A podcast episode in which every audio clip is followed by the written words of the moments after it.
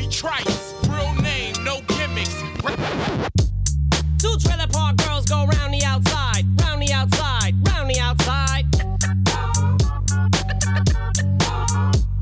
Two trailer park girls go round the outside, round the outside, round the outside. Já, hvað þú sæll, kæri hlustandi og ertu velkonum tíu pestu og takk fyrir að hlusta. Við sitjum hér í podcaststudio Akureyrar psa.is og tökum við fram þáttur sem við gerum alltaf uh, alla nánari upplýsingar inn á psa.is Ef að þú vilt hefja þinn podcastferil eða já, komast í uh, já, þetta teimi hér. Við erum nokkur sem erum að taka upp uh, podcast og við erum alltaf að leita fleiri röttum hér á Akureyri. Þetta sett við post áskirat psa.is þetta kostar ekki krónu. Þetta er allt saman ekki á, á kostundum þannig að þetta mun aldrei kosta þig neitt þú mun aldrei skulda okkur, skulda okkur neitt.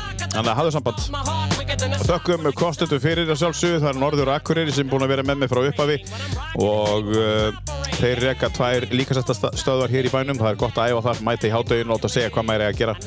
Og uh, já, þau, þetta er bara frábært, þetta er ódýrast enga þjálfunin í bænum, þannig að uh, ég mæli eindrei með Norður Akureyri. Og kemur á óvart að væri til einhverjir meðar þar núna rétt fyrir jólinn 2022 en allavega þá er það bara að setja sér í stellingar fyrir nýtt ár 2023 Takk fyrir kostun á tíu bestu. Norður Akureyri Svo er það Viking Tattoo uh, Brekkugötu 13 Vikings Tattoo. Uh, Þar eru mundi mikill artisti og uh, nákvæmnismæður þegar kemur að því að setja húðflúr á líkamanns og það þarf maður að vera.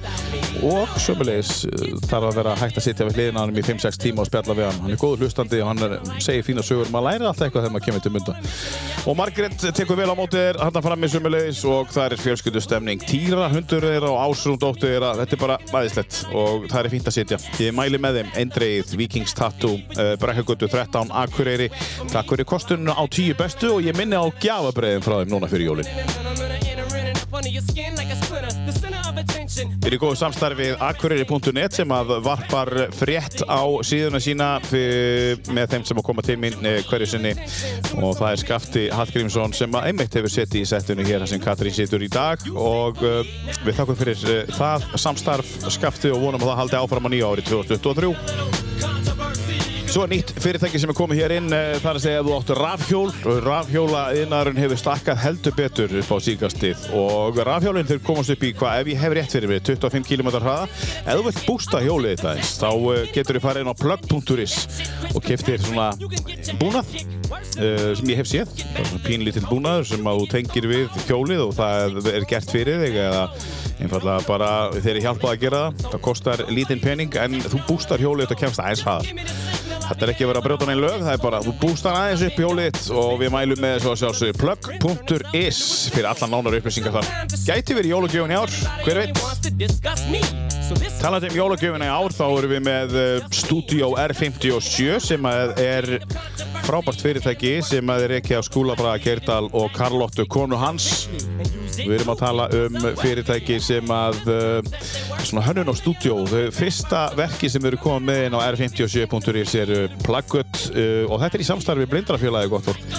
Þannig að hluti ágóðans fer til Blindrafélagsins ef ég hef rétt fyrir mér. Og þar er verið að selja Pluggut blindraletri. Ótrúlega flott. Og fyrsta plaggati sem þið gefa heitir Ástunni blind. Skrifaði blindaletri í alls konar litum, í alls konar uh, litum. Og innrammað fyrir litla 5.900 krónur ef þið vantar jólagjöf flotta upp á vegg þá er þetta virkilega flott. Þú getur líka hanna þína eigin, uh, þinn eigin texta fyrir eitthvað öllítið meiri, fleiri þúsund kalla.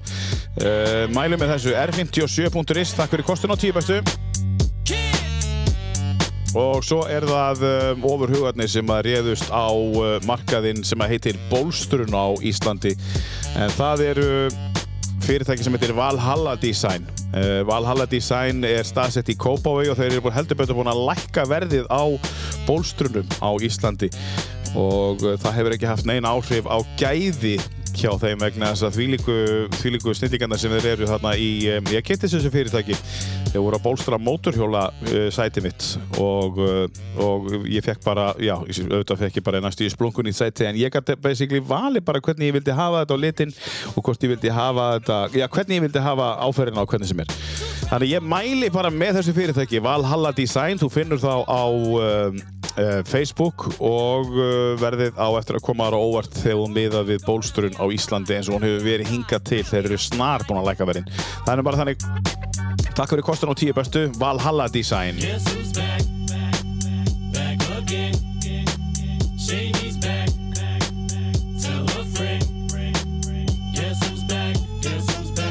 Þá held ég að þetta sé komið. Ég er með miða sem er illa að skrifa þetta við fram. Ég voni sér ekki að gleyma neinum. en sko, ég held að þetta sé komið hjá mér. Uh, uh, ég leiðrétti það þá ef, að, ef að það er ekki komið. Uh, til mín í dag er komin uh, Katrín Ösp Jónsdóttir sem er verkefnastjóri eða stýra og hjúkunnafræðingur, hún er verkefnastjóri, hún er hjúkunnafræðingur í grunninn og svo hún er verkefnastjóri og helsu og sálfræði þjónustunni hér á Akureyri og svo segir hún mig það að hún sé ljóskátt sumulegis. Segðu sælublessu Katrín, takk fyrir að koma, tíu bestu. Takk fyrir að bjóða mér að koma. Um, segðu okkur aðeins hver þú ert fyrst. Þú ert, þú ert Akureyringur eða, eða ertu, já, segðu okkur aðeins hvaðan þú kemur. Hvaðan á bænum þú ert. það er svo merkilegt alltaf. Ertu brekkusnýll? Varða, Já. alveg þangar til ég færði mig mjög djarft múf yfir Anna, Einmitt. fór í þorpið. Annars hef ég ekkert flutt eitt niður neitt, hef bara verið fættist hér og fer ekki fett, sko. Já, á Akureyri. Já, Já, þú hefur bara alltaf verið hér. ég hef bara alltaf verið hér. Það er, Já, já. ég hef verið að hlusta á þættir þína og dáist að fólki sem hefur verið að ferðast um allan heim og Já, já. prófa alls konar. En hana, ég er bara með mjög fastar rætur, sko. Já, já, já, frábært. Ég er með svo stóra fjölskyldu. Já. ég reyndar ég með alveg ekstra stóra fjölskyldu ef við tökum sko ættfólki með mamma Já. mín sem sagt er frá Söðokrók Já. og þau voru í það heila átján sískinin sko Vá. og Átján? átján ég man eftir því þegar ég ringdi sko afi átti sex börn með fyrir konunni sinni Já. svo tólf með ömmu minni. Vá, það er aldrei og þegar ég var með fyrsta barni mitt fyrsta og eina barni mitt sem var svolítið skælandi eitthvað þannig um tíma og þá ringdi ég tíðin í ömmu hálf grátandi sjálf og bara hvernig postuðu að þessu og þá bætti hún mig, já, ég átti aldrei kaffi. Nei. og ég var bara Vá. háskældi yfir þessu sorgarfregnum umgjama mín. Við ekki ammaði með átján börn átti aldrei kaffi. já, við vorum ekki öll alveg í sveitinni hjá þeim sko en, en þau skiptu einhvern veginn á milli sín. Já, afi og, og, og fyriröndi konan hans. Og hvernig er staðan á, á þessu í dag? Meina, hvernig ert í samskiptum, ferðin Já. Ekki á milli eða... Já. mamma og hennar sískinni þau eru rosa mikið klessu fjölskylda sko. Já, já. og það hefur haldist alveg alla tíð. Þá hittast þau alltaf á sumrin Mhm. og halda svona sískinamót sem er náttúrulega bara rísastórt Á alltaf. hverju einasta á hverju einasta sumri. Þá er bara gilsaramót og við erum gilsarar og við erum, við erum svona stolt af því að tilkynna hver sem við förum og við séum gilsarar Áttu peysu, gilsari, nei, en sko það er eiginlega sko trassaskapurinn í mér og minni fjölskyldu. Það eru flestir komni með sko eddubörn, öldubörn Já. er reyndar ekki öldubörn, það klikkaði mamma mín er sett alltaf Já, já. En það er alltaf, og það er allir mertir sko, Já, einmitt, flestir. Þarf að merkja ykkur að þeir eru svo mörg. Já, að sko, lang flest sískinina mömmu eiga líka, sko, við erum fjögur allsískinin, annað. svo einn hálfbróðir, Já, sem pappi minn á, og hérna, en í, öll sískinni mömmu eru með svona mörg börn, já. flest þeirra, og þau eru, við höfum öll verið líka svolítið duglega fjölgókur, þannig að þetta er orðið mjög mikill fjöldi. Byrjum á, á foreldrum þá. Hver eru Ok. okay. foreldrar? Uh, tölum bara frá mömmu, fyrstu Já. við erum þar. Já, já. Uh, mamma mín er, heitir Alda Skarpjöðsdóttir. Já. og uh, hún er bókagerðamaður Mm eða var það er, Bókagerðamaður. já, Vá, það er flottu titill. já, hún er ótrúlega mögnum konu, hún er rosalega góð í höndunum, svo hún er líka glerlistamaður og Já, já. selur það og, og er, hefur alltaf verið mikil túlari mikið að sauma og prjóna og, og, selur það sem hún er að gera. Mm -hmm. og hana hún var mikið heimavinnandi með okkur líka þegar við vorum krakkar þannig að við byggum vel að, gáttum alltaf að koma heim til mömmu þegar eitthvað var og ég erum öll mikið mömmu börn. Og hún býr hérna þá, eða þess að þau eru þá já, já, þau eru bara að búa saman og hafa alltaf verið saman. Já, já. og þau fóru í raun, eh, sko eh, pappi er svo, hann er setjari eins og það hétt er, þau voru bæði saman í hann ásprent, voru lengi þar voru í gamla pop, voru svo í ásprent. Já. og hann og þau hafa alltaf unni saman og gert allt saman og voru í hestunum saman og, og Kynntust eru- þau þar? Uh, í hestunum? Nei, í, í, í Nei, nei, nei, ekki brendiðinunum. Mamma fór svona bara í kjölfarið held ég að vinna. En Ég þau kynntust á einhverju hestamannaballi. Já, já, Pappi fór held ég, ef ég sé ekki að skröka einhverju. Þá fór pappi og frendi hans saman á krókin á okkar ball og, og hittu þar systur sem mm. eru einu, tvær úr öllum þessu sískinu hópi sem búi hérna fyrir norðan. já, já, já. Stóra ballið, einu svona ári, hvað heitir aftur hérna, eh, ballið Í hérna, já, sem að, það sem að hestandi koma hlaupandi niður já, út að tala um í hana, hana stóðréttirnar. já, já, Já, að ég fer reyndar aldrei ánga. Ég fór ánga sem krakki, sko. og Fannst það rosa mikið æfintýrið, þannig að skaffurringjar syngja rosa mikið Já, og já. þeir eru mjög kátir. já, já, já, algjörlega sko. Þannig að mér fannst það alltaf mjög heitlandi að fara hann og fylgjast með og hamagangurinn í því þegar var verið að ná í hestana og svona. Ég fór eins og með vinni mínum á, áður en við höldum áfram, þetta er svolítið skemmtilegt af því að, af því að hérna, hann, hann, fór að þú er að koma með mér í hérna, þessa rétt. Ég bara, já, ekkert mál, laufskálu rétt Löfskál rétt, Já. akkurat. og hérna, og hérna og ég segi, já, ekkert mál, hann sótti mig og, og ég fór hérna með honum og svo stóðu hérna og vorum að draka ram og kók og eitthvað og, svo- og syngja eitthvað, svo, svo, kom, svo stoppa allt bara, þeir eru að koma laupandi niður. Eitthvað svona einhverja hlýð. Og ég segi síðan við bjarnar við mér, er þetta það? Þú veist, og það var einhver gæði sem heyrði þetta sem stóði liðnum, hann bara var brjálað sko. hann sagði bara, ekki segja þetta hátt sko, að þetta er bara, þetta eru bara sko, þetta, fyrir okkur sem búa hérna, þetta er svo mikilvægt sko, og ég sá ekkert merkilegt nefnir bara einhver hestar hlaupa niður lífi, skilju, og ég bara ekki mikið í hestunum sko. En, en, en já, ég, ég held síðan bara kæftið þess með eftir að vara og að eldi bara eins og maður segir, fólkið. En þetta var flott, þetta er skemmtilega, lögskarætt er eitthvað sem að fólk verður að prófa að fara. Já, ég er algjörlega samanlega því, sko. í. Og Þetta er miklu hest- meira heldur en bara hestar að hlaupa niður brekku En Ef, veist, minna, þetta er bara, veist, ég hef ekki gaman að hóra fótbolta, fyrir mér er þetta bara Nei. kallar elsta bolta, sko. Já, þetta, þetta, er eins Þetta er bara þannig og ég meni ég hef farið á, á veist, ég fór mjög á bóðið á mannsestarleik hérna fyrir mörgum ára síðan og, Já. Og það sem situr hest, en, hest. Það sem sem helst upp í mér, það eru hestanir, þannig fyrir framann, sko. Já, já, það eru hestar Já, það, er, það voru lauruglutjónar á hestum Já, og ég var bara kiknað í njánum, sko, mér hefst þetta svo geggja, sko. Þú fórst líka á mannstíðinu aðeins er Þetta er ekki fótbolltaðatur uh, Ok, en við erum, við erum þar og, og við vorum komin til uh, þú varst að segja okkur að mamma einn uh, er Skarpjánsdóttir Og ég segja samt eitt aðeins meira með mannsestar. Já Uh, í fyrsta lagi fekk ég blómavönd frá Alex Ferguson á þessum leik. Nú, Mm bara svona til að halda því til haga. Og ég fekk áritaðan bólin með það sem hann skrifaði á einhver stað á bringun á mér. Nei. Og hérna svo kynnist ég manninu mínum sem er liðpólmaður Já, hann fór í þessum umræta ból og var steggjar í honum og hann kveikti í honum. Nei, þú ert að ljúa þannig að einhverjir mannsistumenn voru þannig bara eitthvað, nei! Ertu ekki að djóka En varst Það var þú bara- ekki svolítið svona? nei, ég er ekki fótboltamannski, mér Það var bara bóðið sko, ég, eins og ég segi, hestan er það sem stóð upp úr Já, já, hestarnir hann framan já. Og blómvöldurinn og blómvöndurinn Frá Ég- Alex Ferguson, Sör Já, Alex Ferguson og sko það sem ég áttaði sem ekki á þetta væri frá honum en það var sko maður sem rétti mér þetta, mjög huggulegu maður og ég var ógst ánað með hennar mann Já. en svo voru, sko allir kallarinn svo voru með mér þegar voru bara að fá að halda á mynd hara, hana, blómaðundurum og taka myndir af sér af því að það var vita að þetta var frá honum Frá honum, já, já En- geggja. Sastu svona framalega þá? Nei, þetta var við vorum komin Það út er bara komin út og allt Já, það var allir að býða eftir að fá það, það sem leikmenninu kom út en fyrir Já. bakvið eitthvað, var allir að reyna að fá Einhundar áratugum frá þeim og eitthvað. Og ein- ég var varst- bara þar Þú varst með- ein af þeim? Ég var ein af þeim. Óvart? Já, ég eldi bara, ég, ég var mjög, þetta var alveg gaman að fara í þessa ferð. En hann, var Mm. En ekkert mikið meira en það Jú, öst, jú bara Hestarnir? sjálfsög, hestani voru ekki að Já, já. gæðir en ég er bara engin fótbolta manneski þannig að það var talið að það væri hægt að koma mér inn í þetta með þessu, en það gerðist ekki Mm. En nú hefur oft heyrt kallmenn tala sko, kallmenn oft sko bara, þú verður bara að koma með mér þetta er menning, þetta er ógæslega skemmtilegt og nú varst þú þar, getur þú staðfest það að Mhm. Já. þetta sé bara, já þetta er gaman E- Þetta er svaka merkilegt er já. merkileg upplifun og, Já. og sjá alltaf heift og, og spenning og eitthvað en, og svo fyrir þetta það er þetta hugulegi menn sem er alltaf þessa bolta Já, að- fyrir utan það sko. Þetta er mjög góð bútur fyrir, fyrir ykkur konuna sem hafa verið, við hafa búið að bjóða ykkur svo oft bara, kýlið á það. Já. þetta eru hugulegi menn, hestar og möguleg blómöndur Já, og, hver- og, og, og hver veit? Hver veit, það er alls konar skeið. Herðu, ok, Já. uh, uh, hérna uh, skemmtilegur útútur uh, höldum áfram með, með foreldra. Já. Svo er það pabbi minn, hann er Jón Ólafur Stjúfursson Já, hann er hérðan frá Akureyri uh, hann er hestamaður alveg bjóral og var lengi og mikið í öllum stjórnum og öllu sem tilkom í kringum hestamenn já, já, og hestamennsku. Já. og eh, hefur unni bara mjög öll starf í að búa til sko bara pláss fyrir hestamennjana fyrir norðan. Mhm. og hann er bara einstaklega góðu maður og þau bæði, þetta er gott fólk. Og er hann ennþá í hestunum, eða þau? Já, þau Já. ennþá hesta.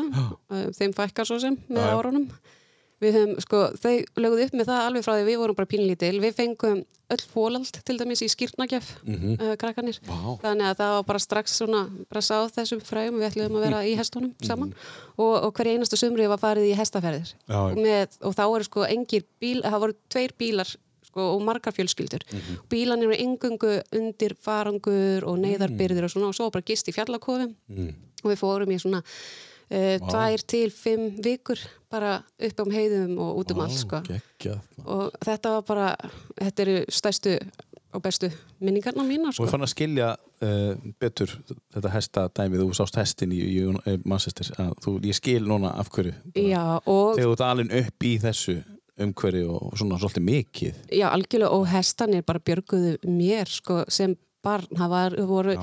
þú veist, eins og öll allir, þá lendir maður í alls konar og, Mhm. og ég gæti alltaf treyst á það, ég átti rosa treystan og góðan hest sem hitt Baldur og bleikur og yndislegur Baldur, já. mm og hann, hann ég fór rosa mikið bara upp, upp í hesthús og bara lagðist ofan á hann og bara, Já. veist, og, og hann bara var, leiði mig bara að vera Já. og út á túnum og svona þá gæti ég alltaf farið, fundið hann hann kannski lá sofandi og ég bara klungaði mér hona á og lá bara þar Bara það var bara vinnur sko Já, já. Og, og fleiri, þeir voru þannig margir góðir og tröstir og, og mjög miklar karakterar og persónuleikar sko En önnur dýr, tengistu öðrum dýrum? Já, Svo mjög. dýra, já. Ég hef átt hund og, og ketti, mikið Já. af köttum á, á kísu í dag Já.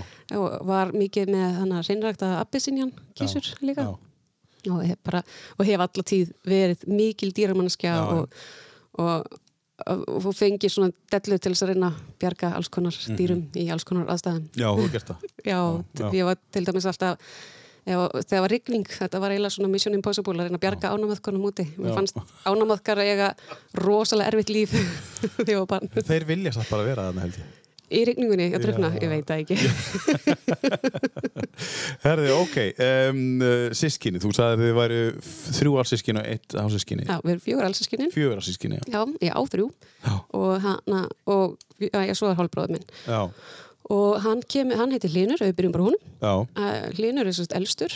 Uh, hann er hérna uh, veitingamaður og businessmaður átti hérna að startaði greifanum á sínum tíma, ég veit ekki hvort þú já, já, það veit, veit allir hver linur Það vita allir hver Hérna á og Þeir eru sískinni, ég komst að því bara fyrir nokkur, bara vikun síðan. Bara, ég hef ekki hugmyndið það. nei, Allavega. hann hann er, hann er stóri bróður minn og hann, hann kemur, sko, hann var ekkert mikið með okkur sem barn, hann elst mest upp með mömmu sinni og, og þeirri fjölskyldu.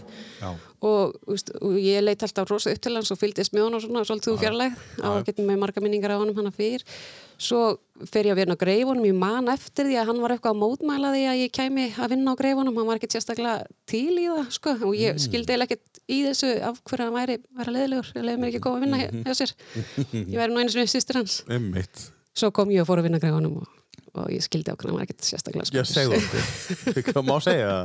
Þetta var bara uh, á þeim tíma þessi staffapartí voru mjög vinsæl Já, ég skil. og ég fó bara all in og ég veit að hann var stundum að ringja og eitthvað, ég er ekki sérstaklega spenntur hún sé að fara með í ytringu partíin Ég skil, ég skil. Já, og góðum óral þetta á, á greifunum og er, og er. og er, ég var þar í sex ár svo Já, og þar í rauninni förum við linur að tengja mjög stert og, og áttum mjög mörg góð samtöl og, Mhm. og við og, og okkar samskipti urðu bara mjög djúb og eru enn í dag og, við, hana, og hann er veist, ekkert minni bróðir heldur þó að þetta heitir að vera hálfbróðir sko, Mhm, veist, þá, þá er hann bara einn af sískinunum Mhm. og við gerum mikið saman. Já, við, hann til dæmis er alltaf til þess að bjóða okkur hérna út úr bænum einu svona ári að lámarki og, og, og við gistum alls saman í bústæðanum hans og höfum gaman já, frábært. Lét okkur öll fara hérna út fyrir daginn þegar mann á rafjólum daginn. Já. Ég myndi að auðvisa daginn áðan. Já, já, plugg er auðlýsa sko power í, í rafhjólinn, plugg.is Akkurat, Þú akkurat eru farið hraðar. Ég fer ekki hraðar, það var alveg nú rætt fyrir mig sko. Já, kannski búið að setja það í, Já, hver veit, hver veit, hann var rettaði mér hjóli, ég var ekki með. Mm. Reynda að vera Sigrún sem rettaði mér hjóli sem er eigandi stofunar sem ég vinn á. En Línu Já. rettaði hinnum hjólunum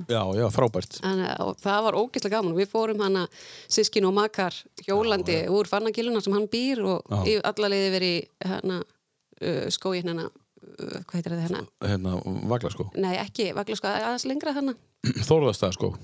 Æ, whatever. Þetta er rétt hjá Lundskó. Ítljó, Lundskó, Já, takk. það er mitt á mitt. Ég er, ég er ekki bú, ég sko fekk hérna bara Já, tvo sopa af kaffinu og það er allt kaffi sem ég er búin að drekka í morgun. Já, ok, við, þurfum að fara að setja bara á laga að hann getur skellt í þessum Já. kaffekóta. En hann er með, með bústaf á þessu frábæra stælu, sko. Hann er með styrlaðan Já, bústað, já. þetta er náttúrulega bara geggjað Já. og, og við hjóluðum sem sagt bara í fyrstu hjólaferðin okkar, við hefum aldrei hjólað, ekkert okkar, bara úr Fannagili og allalið yfir, yfir heiðina og, og þetta var bara, Vá. Og hann bara seldi okkur þetta alveg og hann lét okkur bara í gegnum vaglaskó í alls konar toppfærur Já, já. og bara, og við vorum á ákveðu tíðapunktum mjög smeg og bara ekki stoppa, þá bara komist aldrei að stað aftur. við að fara yfir okkur og eitthvað, en þetta var bara geðvikamann og við erum sem sagt öll að fara að kaupa okkur hjól. Já, það er svolítið. Já, það er komið nú þegar eitt í bílskurinn og, Já, já. og við erum að sé på stöðum eftir fyrir mig En akkur ekki bara mótorhjól? ég bara held ég láti þetta tuga í bili. Það kemst það aðeins, sko. Ok. Þú náður þessu með að ég vildi ekki endilega vera hraðar. Nei, nei, já, Ég var svolítið, já, þau voru alltaf býð eftir mér, sko, ég var Já. lang öftust. Já, ég skil. Þú vilt bara vera á þínum 15 kilometrum. Já, það er bara fínt, sko. Uh, Frábært, það var hlinur. hann var linur, Já, hann er eldstur þá. hann er elstur Já. Og hann er giftur henni Guðrið sinni og, og þau eiga fjögur börn Já. og komið barnabörn og svona, þetta er þetta er að við erum öll að fullornast. Já, frábært. Hann eignast batna, er þetta ekki fyrsta batnabarni? Jú, jú, jú, Já, hún var með handbóltastráknum hérna. Akkur. Já, uh, var, var ekki, var Var hjörtur í handbólta? Nei, ok, þá var þetta ekki Hjörtur þá var þetta, uh, hann var, það, man ekki hvað svona hann setir, sem var í handbóltum með Þór Já, Arnór, Arnór. Og, og svo er líka Jón Óli. Já, eru en, en. Arnór og ekki barn Nei, Nei, það er bara Hjörtur. Eh, Já, Hjörtur er maðurinn að Brynju, Já, Brynja lífi dóttir hans, Helins, sem sagt. já, já, já. Brynja já, er- er Brynja er dóttirinn, já, Já. já, ekki Hjörtur. Nei, hann er tengdsonur, Ok, þá er ég þá er ég að skilja það bara núna fyrst, aftur, er já. alltaf að læra. Akkurat. Og svo ég annan bróður í Reykjavík, hann, er Fúsi, Sigfús Jónsson, Já, kokkur, kokkur, Fúsi kokkur. Fúsi kokkur. Ég þekki hann vel, hann er góð, góð drengur. Já, hann er indislegur og, hann, og bara mjög svo skemmtilegur. Lokal Hann á lokal Já. í Reykjavík, startaði því ásamt fleirum. Hann er, hann er rosa mikill frumkvöðl, Fúsi, og, og reyndar náttúrulega línu líka. Já, já. En hann, Fúsi hefur, hann er með bara eitthvað styrlaða hæfileika þegar kemur á mat. Já, veist, það er bara á öðru leveli Já. hvað hann næra að gera mat geggjaðan. mm Bara góð kokkur Hann er bara heimsins besti kokkur, sko. Já, já. Hann er Já, bara, og segi ég gift kokki, hann er líka góður. mjög góð kokkur. Komin og þá eftir Valdimund Já, hann er mjög fýll líka. En, en hann, já, er, hann, Fúsi, hann hefur gert svo marga svona uh, rétti sem hafa bara getið verið að týðkast eins og þegar við vorum hérna með, á Goya og Já, með tapas. nöyti karmelu og eitthvað svona lambi lakrís og, Var það ekki tapas spa- staður? jú, jú, jú, Já, það var já, tapas. Já, og Fúsi, hann er gifturinn hörnu sinni og þau eiga börn Mhm. Og þar af meðal er nafna mín, hann skýrði eitt barn sitt í Já. á mér. Vel gert. Og svo á hann tvo drengi úr fyrrasambandi líka sem Já. eru stórir ungir menn í dag. Já, það er Jón Gilvi og, og Eðurlogi já, svo Alma Katrín og, og Alexander. Já. Er ekki þetta erfitt að buna allir svo nöfn? uh, ég er léleg í nöfnum sko heilt yfir en ég man sískina bönnin Ok. mín sko En þessi átján hann á sögokróki, ertu með það alveg reyna Nei, alveg bara null Nei, eh, sko, Þetta er alveg bara skammarlegt veist. Ég hef oft verið eitthvað staðar og einhver segir hæ og ég bara góðan daginn. Og svo bara segir sýsti mín bara Katrín, þetta var mjög dónulegt ég bara, hvað, ég sagði hæ Já. og það var bara, já, nei, þetta var hérna þessi sonur þessa, sem er sonur þessa. Og ég bara, já, mitt, bara lungu hætta. Já, já, sko, en ég ætla að segja, þú veist, er það dónalegt? Er það ekki bara mennst að munið ekki? Ég bara, fólk verður bara að taka mér eins og ég er Já, Ég er með ímsa kosti en ég er með marga ókosti líka Já, já, þannig að annarkvort bara er fólk með það ekki Ókostir gera, gera kostina, þannig bara þannig. Já, já Um, já, það, það er, það var fúsi. Já, Fúsi. Við vorum, hana, við höfum átt alls konar samband við Fúsi. Við hana, vorum í mjög miklu uh, stríðnissambandi þegar ég var lítil, sko. Það voru mikil slagsmál á mill okkar. Hann er sem sagt átt árum eldri ég og, og ég var mjög mikið í því að reyna hvað ég gæti og vinkonum mínar eru allar að bara, við og svo hrættar við Fúsa og litlar. Af því að við vorum alltaf ykkur einn, en við erum rosa náinn í dag. Já, Og svo koma styrstuna mínar sem eru bara mínar albestu vinkonur. Já, og það er eldri sýsti mín er Rappa, Rafnildur Jónsdóttir, hún er hjúkunumfræðingur eins og ég, hún er gjörgæslu hjúkunumfræðingur og ment, vinnur í blóðbankanum núna, mm -hmm. uh, hún á þrjá sinni og eldri drengurinn hennar elsti, hann er í Reykjavík og Daniel Ari og hann er konið sambúð þar og, svo á hún tvo kúta hérna, Viktor Erni og Rafn Erni. Og svo á ég hérna Elisabethu Þórunni, Ellu Tótu Yng- hún er yngst af okkur, hún er sex árum yngar ég og hún á þrjástráka Ólaf Kristinn og sem að Svenni kom með í kaupæti þegar þau byrjuðu saman Já, já. hann var bara nokkra mánuða þegar þau byrjuðu Hver er Svenni maðurinn hannar? uh, Svein Arnársson, hann er dómari til já. dæmis Já, já. og hann, hann er nú hjá skattinum hann er Já. búin að vera að bjarga mig með SPSS Já, já, í tölfræðina. tölfræðinni, ég er að reyna eitthvað ég hefði misti viti ekki geta ringt í hann skælandi ennum daginn Já, hann er alls konar Já, það er hann var blaðamaður hérna lengi vel og, Fyrir óhyggað inn í erfið mál Mhm. Þannig, að- en uh, svo er hvert var ég komin? Var, og svo er það Haugulegu Já. hennar Ellu og, og hana, svo Hjörvarari, yngstur þannig að nú er ég búin að telja upp svona kjarnan minn Já, og, og, og, ég, ég skinja það að það sé gott samband á alltaf. Við erum alveg rosa mikið klessa sko. Já. og við vorum til dæmis bara að koma Klessa? frá klessa. Við, erum, við erum alltaf saman já. Eh, við tökum mjög lengar ákvarðanir á þess að heyra hvað hinnum finnst um Já, þetta allt saman og, og bara just, það er bara ef einhver just, er að gangi um eitthvað þá vita hinn er það. Já. veist, og bara, við finnum það bara Já, það er frábært. og við erum bara rosa mikið saman sko. Og þið voru að koma utan. Við vorum að koma utan, við gáðum mömmu ferð uh, í ammálskju, hún var 70 í uh, september Já. og við fórum til köpinn og bara við sískinin og mamma og pappi og ekki makar. Nei. Línur komst reyndar ekki með hann og hvað að fara til Tenerife en, en við hinn fórum Já, já, og þetta var bara alveg geggja sko. já, æðislegt. Mhm. Já. Þannig að það er rosa, hérna, og, og, og, og, og, og það er góð samskipti og þið hittist reglulega og Að bara- Hvernig er það hjá jólin? Það eru nú jólin næsta leiti. Eru, Mhm. eru það að klessast það líka? Alltaf bara, við, við spilum mjög mikið og erum bara, erum bara alltaf einhvern veginn og við- til dæmis á aðfokadag þá eru mamma og pappi alltaf með möndlugraut og þar hittist allt stóðið og súlusveinar koma og færa krökkunum jólagjafir og svona og þetta er það sem stendur upp úr alltaf þegar bönni mínu er spurt hvað er bestu jólinn fyrir utan pakana? Það er það möndlugrautin hjá og afa. Mhm. og þetta er bara ótrúlega dýrmætt sko. Og búa allir hérna nema bara fúsi? Já, Fúsir er ekki, hann af þessu tilur hann kom hingað og Já. bjó hérna um tíma. Já, já. en svo bara Býr Arnaði, hún er í Reykjavík og Já, hennar fjölskyldi er alltaf og hann fann sig ekki alveg hérna í róliheitunum sko. Hann, hann vill vera í meira umgangi sko. Já, já. Já, já. Um, þá er komið að uh, kokkinniðinum, manninniðinum og börnunniðinum. Já, Valdimar Pálsson. Já, hann er maðurinn minn, við erum búin að vera bara í 14 ár. Já, uh, og hann er einmitt kokkur. Og ég, uh, þegar hann sagt, fór með hlinn, nei með fúsa og startaði gója hérna um tíma. Einmitt. og vann þar og það var krefjandi tímabil að vera reyka veitingastað. Þannig að við ákvaðum það að hann, ja, hann var tilbúin að hætta að vera í, í kokkabusinessnum og, og fara að nota hina gráðuna sína, hann er líka viðskiptafræðingur og, og fór þá að vinna sem rekstrastjóri hjá plastiðinni. Og er hættur það núna, er núna hjá Búvís. Og uh, hann notar alla sína kokkahæfileika bara núna heima. Við, Já. við erum mjög hefnar mæðgur. Tekur allt út þar. hann tekur allt út, hann nennir því núna. Veist, hann var ekkert eins mikið að nenna þessu að elda heima þegar var alltaf elda fyrir alla aðra Nei. en núna ég að mjög góðu, hann eldar mjög mikið og. Og hann sér eiginlega bara langmest um þetta og þegar kemur að barnaðamálum þá er hann með allan bakstur til dæmis Já, já. Og ekkert vesinn, hann hefur gaman að þessu. hann hefur gaman að þessu og er Já. góður í þessu og bara er eldsnöggur að þessu það er bara þessi kokkar þeir horfa á grænmitið og þetta er í sundur sko. Að þetta er svo akkurat það er bara hann getur alveg bara þegar hann kemur heim og sér ég er búin að vera eitthvað það er bara, maður sér að þetta kemur svona pyrringur í líkamann á honum þegar hann sér að ég er búin að vera að skera grænmeti að ég skarða ekki eins og já eins og, eins og á að gera það að gera það. Já, og beitt ekki nýpnum rétt. Já, og skildi hann ekki rétt eftir í vaskinum. Það hægt að skera sig, einmitt, akkurat. Já, það er frábært. Og, og hann er hjá Búvís, já. Og hann heitir Valdimar Pálsson og svo er þið eitthvað að bötum. já, við höfum þrjárstelpur Þú sér að þátturinn fyrir bara í að tala um fjölskyldu, ég veit, ég hef þetta að taka alla gilsaranna bara. Já, talaði ekki til sískinin að spappa sko. Nei. Uh, en hana, uh, ég og þrjá, við og þrjá stelpur. Já. elsta stelpan, hún kom úr uh, ég kom með hana í kaupæti Já, ég átti hana og hún heitir Ólöf Alda og er Já, já. 17 ára og verður 18 ára í mæ hún er ung kona bara. Já, já.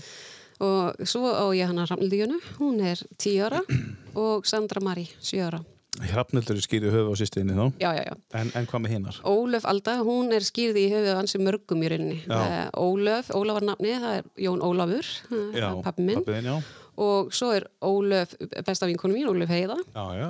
Og svo er Ólöf tengdamamma mín þáverandi. Já, og það var náttúrulega fyrst og fremst í höfuð á henni. Já. Og svo er Alda, mamma mín. Já, að vá. þetta var slegið þannig margar flugur í einu höggi. Já, vel gert. Já, og, og þetta bara passar henni áskaplega vel. Já. Ólöf Alda. Mm Svo Hrafnildur. Og Hrafnildur Jana, er, það er Hrafnildur nafnið eftir sýstu minni og Jana eftir vinkon okkar líka, Jönu sem á Són, har vel stóð. já, já. Hún og Valdimar þau hafa vel að vera svo miklu vinnir. Já. Steppi maðurinn hennar og Valdimar þeir byggu saman um tíma og, og hún líka. Já, já. Og þegar ég nefndi það, mér langaði að skýra í höfuð á sagði hann og hann var einmitt búin að hugsa hann langaði að skýra í höfuð á vinkonu sinni. Já, já, Jana. Og, já, þannig að okkur fannst þetta bara liggja vel við, mm Mhm. Hrafnildur Jana. Og svo er Sandra Mari út í lofti. Já. Mér, og, mér langaði Sandra alltaf... Mari? Mari, já. Mér fannst Maríar nafnið alltaf afskaplega fallegt og var bara eiginlega, það var ákveðið alveg strax sko.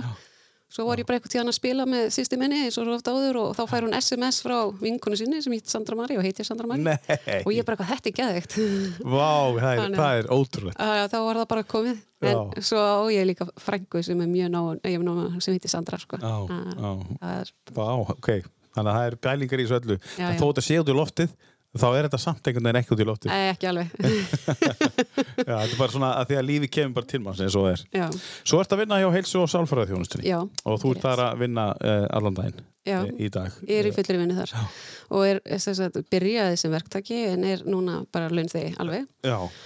Og stofan er búin að fara bara rosalega hratt vaksandi Já, þetta var bara stopnað í fyrra, hitti fyrra. Já, Bara í miður COVID, eða ekki? í apríl 21 er hún stofnuð Já, apríl Já, 21, og við- eins og hálsás. Já, og við vorum fyrst bara eiginlega tvær, eiginlega þrjár kannski, bara strax hann í byrjun ég man ekki hvernig þriðja við vorum þrjár mjög snemma Já. allavega og ég var byrjaði bara að taka mín fyrstu við til hana í mars Já. strax og var þá ennþá starfa fyrir Já.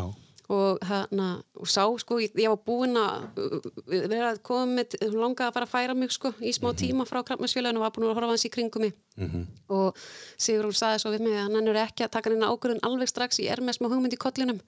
Og ég má ég heyri þér eftir viku eða eitthvað og ég bara, já ok og beigði með að taka ákvörðun það sem að mér stóð til bóða og, og svo ringdi hún í mig og sagði mig það að henni langaði, hún átti aðra sálfræðistofu og henni langaði að vera í svona meiri heilsupælingum og, og svona víðara, víðari þjónustu.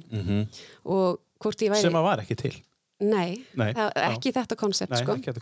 og þannig að þetta, úst, hún sá alltaf fyrir sér hennar draumur var alltaf að vera með svona al hvað maður að segja, svona mjög víða heilbriðistjónustu bara, og vera með heilbriðisvísind, vera framalega í heilbriðisvísindum og þ- þannig að henni langaði að safna sér alls konar af fólki og, og bjóði upp á svona teimis vinnu og Þannig að hún sem sálfræðingur og ég sem hjúkunarfræðingur og svo Inga Dagni Eidal sem er líka hjúkunarfræðingur, við vorum fyrstu þrjár og Mhm. Sem, að- sem að, þetta- svo hefur þetta, þetta hefur virkað því að stofan er bara búin að springa. Já. Í rauninni bara springa út. hún springur út alveg Já. og, Ekki kannski springa, en springa út. þetta er að vaksa rosa hratt Já. og, hana, en Þetta það hefur er, virkað. það er virkað en það er líka bara þannig þegar það er gaman Mhm. og margir frumkvöðlar og, og svona kanínu hausar koma saman Kaninu hausar. já, eh, ég, ég hef oft, oft séð sjálfa mig svolítið ef ég væri dýr þá væri ég kanína eða var það, þannig að Mhm. ég, maður var alltaf svolítið uh, hröð í hugsun og hana og tók uh, svona mikla kvartvísis ákvarðanir og stökk á stað í alls konar æfintýri án þess að vera kannski búin að melda mikið fyrir mér Mhm. hvað, hvert þetta væri að fara sko. vildi bara vera með og gera hlutina Mhm. en ég er kannski meiri feitur hér í dag, ég sita þess lengur á hugsununum áður en ég stökk á þetta ok. en það er svolítið, mér finnst þetta vera svolítið þema þannig nýfrá að Já. það er rosa mikið af fjörugum hausum og allir eru rosa spenntir allir eru með ógislega mikið góðum hugmyndum og Það er kannski líka að því að, að því að hugmyndin sjálf er svo víð, þú veist, þú viðtek það. Þannig að þú veist, þetta er ekki bara sálfræðistofa, þetta Já. þetta er bara let's go, bara í allar áttir. Bara, heilbriðisvísind já, heilbyrðisvísindi Þetta og það bara Og, og þetta snýr bara að öllu fólki, eða barnum og upp í aldraða. Og við erum með veist, komum með samninga við þú veist, alls konar fyrirtæki þar sem við erum að þjónusta starfsfólk og, og, og þeirra skjólstaðinga og mm -hmm. svo þannig að Núna satt uh, hérna Sigrún í, í þættinu mínum 182 hérna fyrir framann á þess að þú situr núna. Ok. og hún er náttúrulega eftir að sitja í tíu bestu líka hún, ef, hún, hún vil koma. En, en sko Sigrún er svona pínu ofurhugi já, hún er bara svona sko. stekkur í, í, í þetta stóra verkefni þú veist bara á, þess að vera bara prófa eitthvað nýtt. Hún er, hún er sannlega það. Og, hana, hún, og það sem er svona það sem ég veist svona enginn hana er að hún er, hún stekkur á stað og en hún er, hún er alltaf sko, stökkum á staðin gerum það saman. Já, og hún fyrir aldrei á undan einhvern veginn. Þú veist, hún er svona, faðmörn er rosa opinn og hún er bara, hver vil koma með? Það er rosa kostur sko. Já, og hún er, hún er alltaf svona, þú veist, bara, þú veist, þegar maður er að byrja að vinna hjá henni, þá bara hvað, hvað vilt þú helst gera? Já, hvað einmitt. brennur þinn áhugi? Hvað getum við gert til þess að stuðla því að þér líði sér best í vinnu? Mm veist, og er bara, veist, Já, það er magnað. Og hún er alltaf einhvern veginn til staðar fyrir starfsfólkið sitt og bara, hún alveg mögnu, sko. Með góðan fórustumann í brúnni, þá er allt hægt, sko. og þetta er góður fórustumæður það Já, já, algjörlega. Um, þú fyrst verkefni, Mhm. við ætlum að, að bróta þetta allt saman niður hérna eftir uh, uh, Þú fyrst verkefni um að, um að setja saman uh, tíu laga lista yfir tíu bestu veist, hvernig, hvernig settið þú niður tíu bestu? Er þetta tíu bestu laun? Er þetta tíu merkustu minningarnar? Er þetta tíu Um, þetta var ógeðslega erfitt verkefni, mjög Já. skemmtilegt, ég er búin að hugsa mjög mikið um þetta. Ég byrjaði að setja upp Excel-skjál. Já, sjálfsög Ertu Og Excel mann? Ég er mjög mikil Excel-mennska Já. og þar byrjaði ég að búið til flokka og flokkanir voru sko, fyrst eftir svona aldurstíðanbylum svo Og litum ég með það? mögulega litir. Já,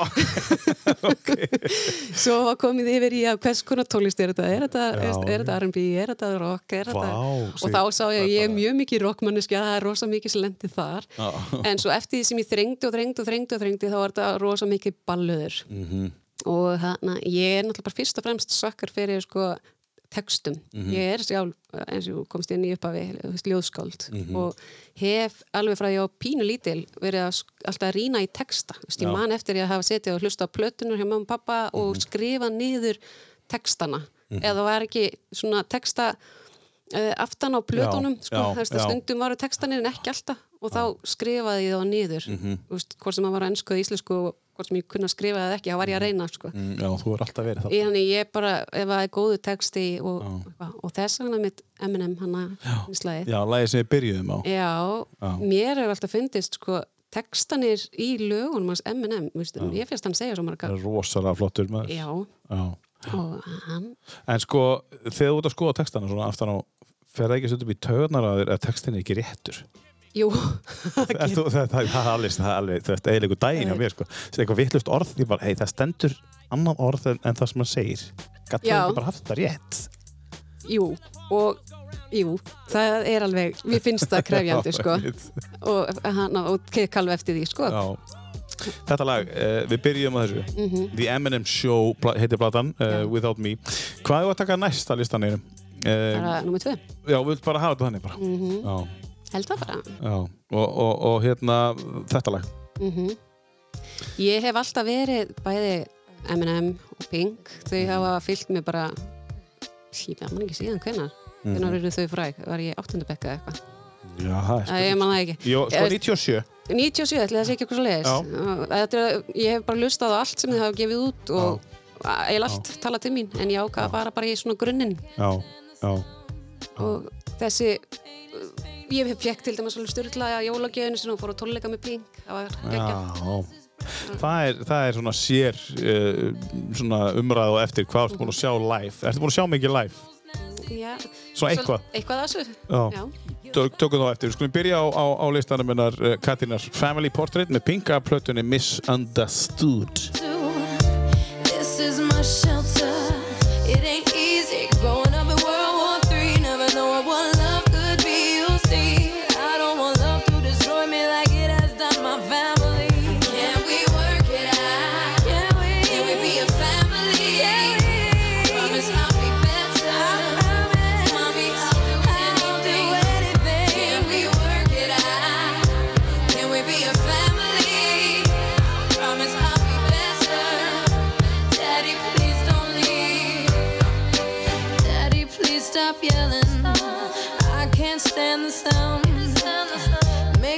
stop crying, cause I need you around. My mama, she loves you. No matter what she says, it's true.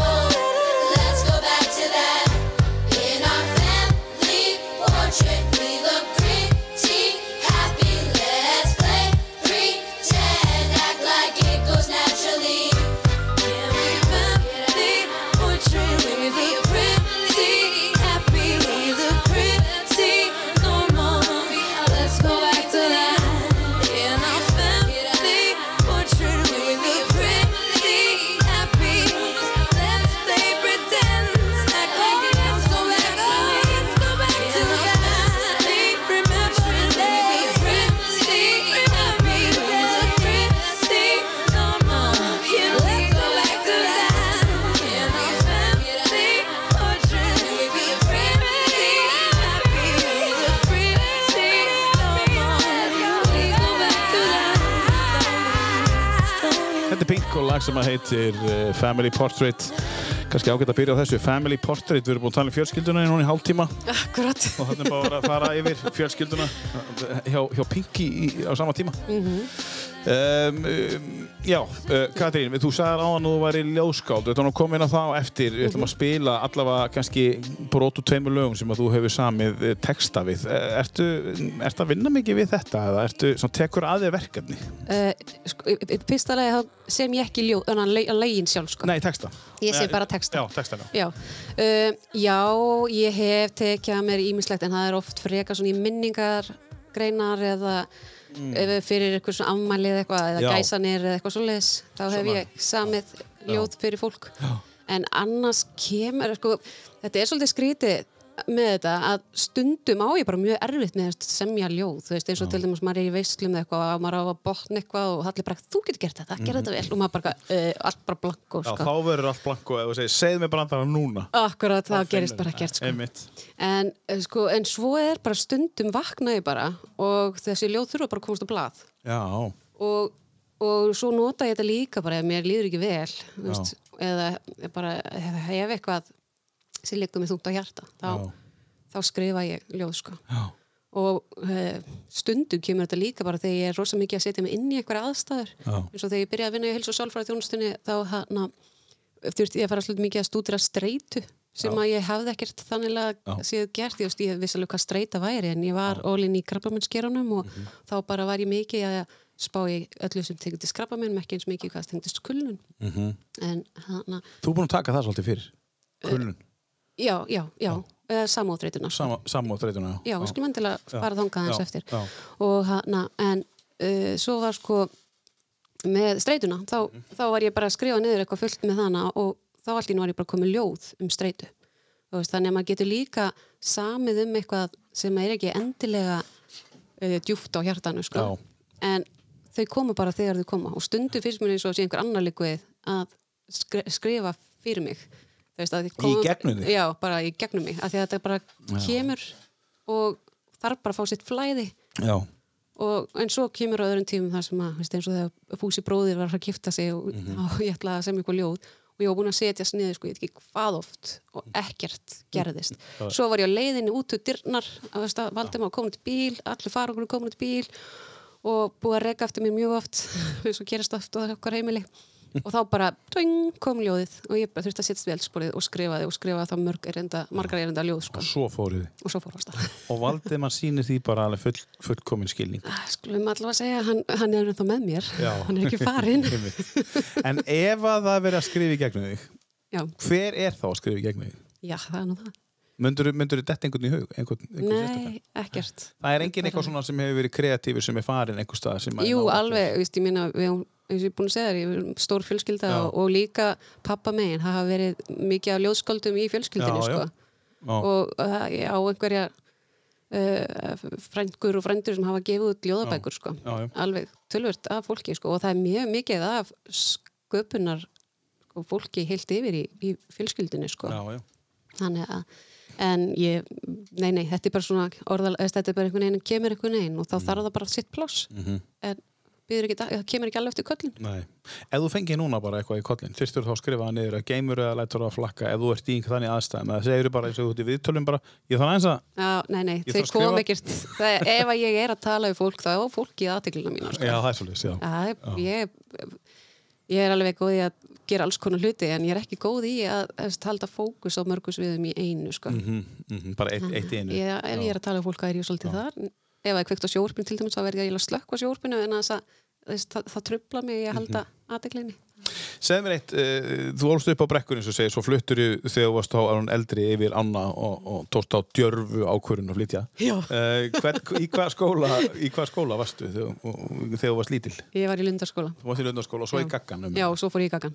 Og hvernig var það? Og það var ekki góð, ég á ekki góða minningar úr lundarskóla. Ekki úr lundarskóla? Nei, ég á það ekki sko. Ég, fyrstu árin voru fín, Já. en svo var þetta bara alveg bara helviti sko fyrir Já. mig í rauninni. Já. Þannig að, og ég, ef, ef að ég hefði ekki farið í gaggan sko, þá bara veit ég ekki hvernig ég hefði Já, ef það hefði verið bara eins og er í dag, bara 8, já. 9 og 10, þú veist. Já, ég fer að eignast sko, ég átti vini sko sem voru bara ekki jafnaldra mínir, Já, en ég var ekkert með neina vini hana í. Grunnskólanum.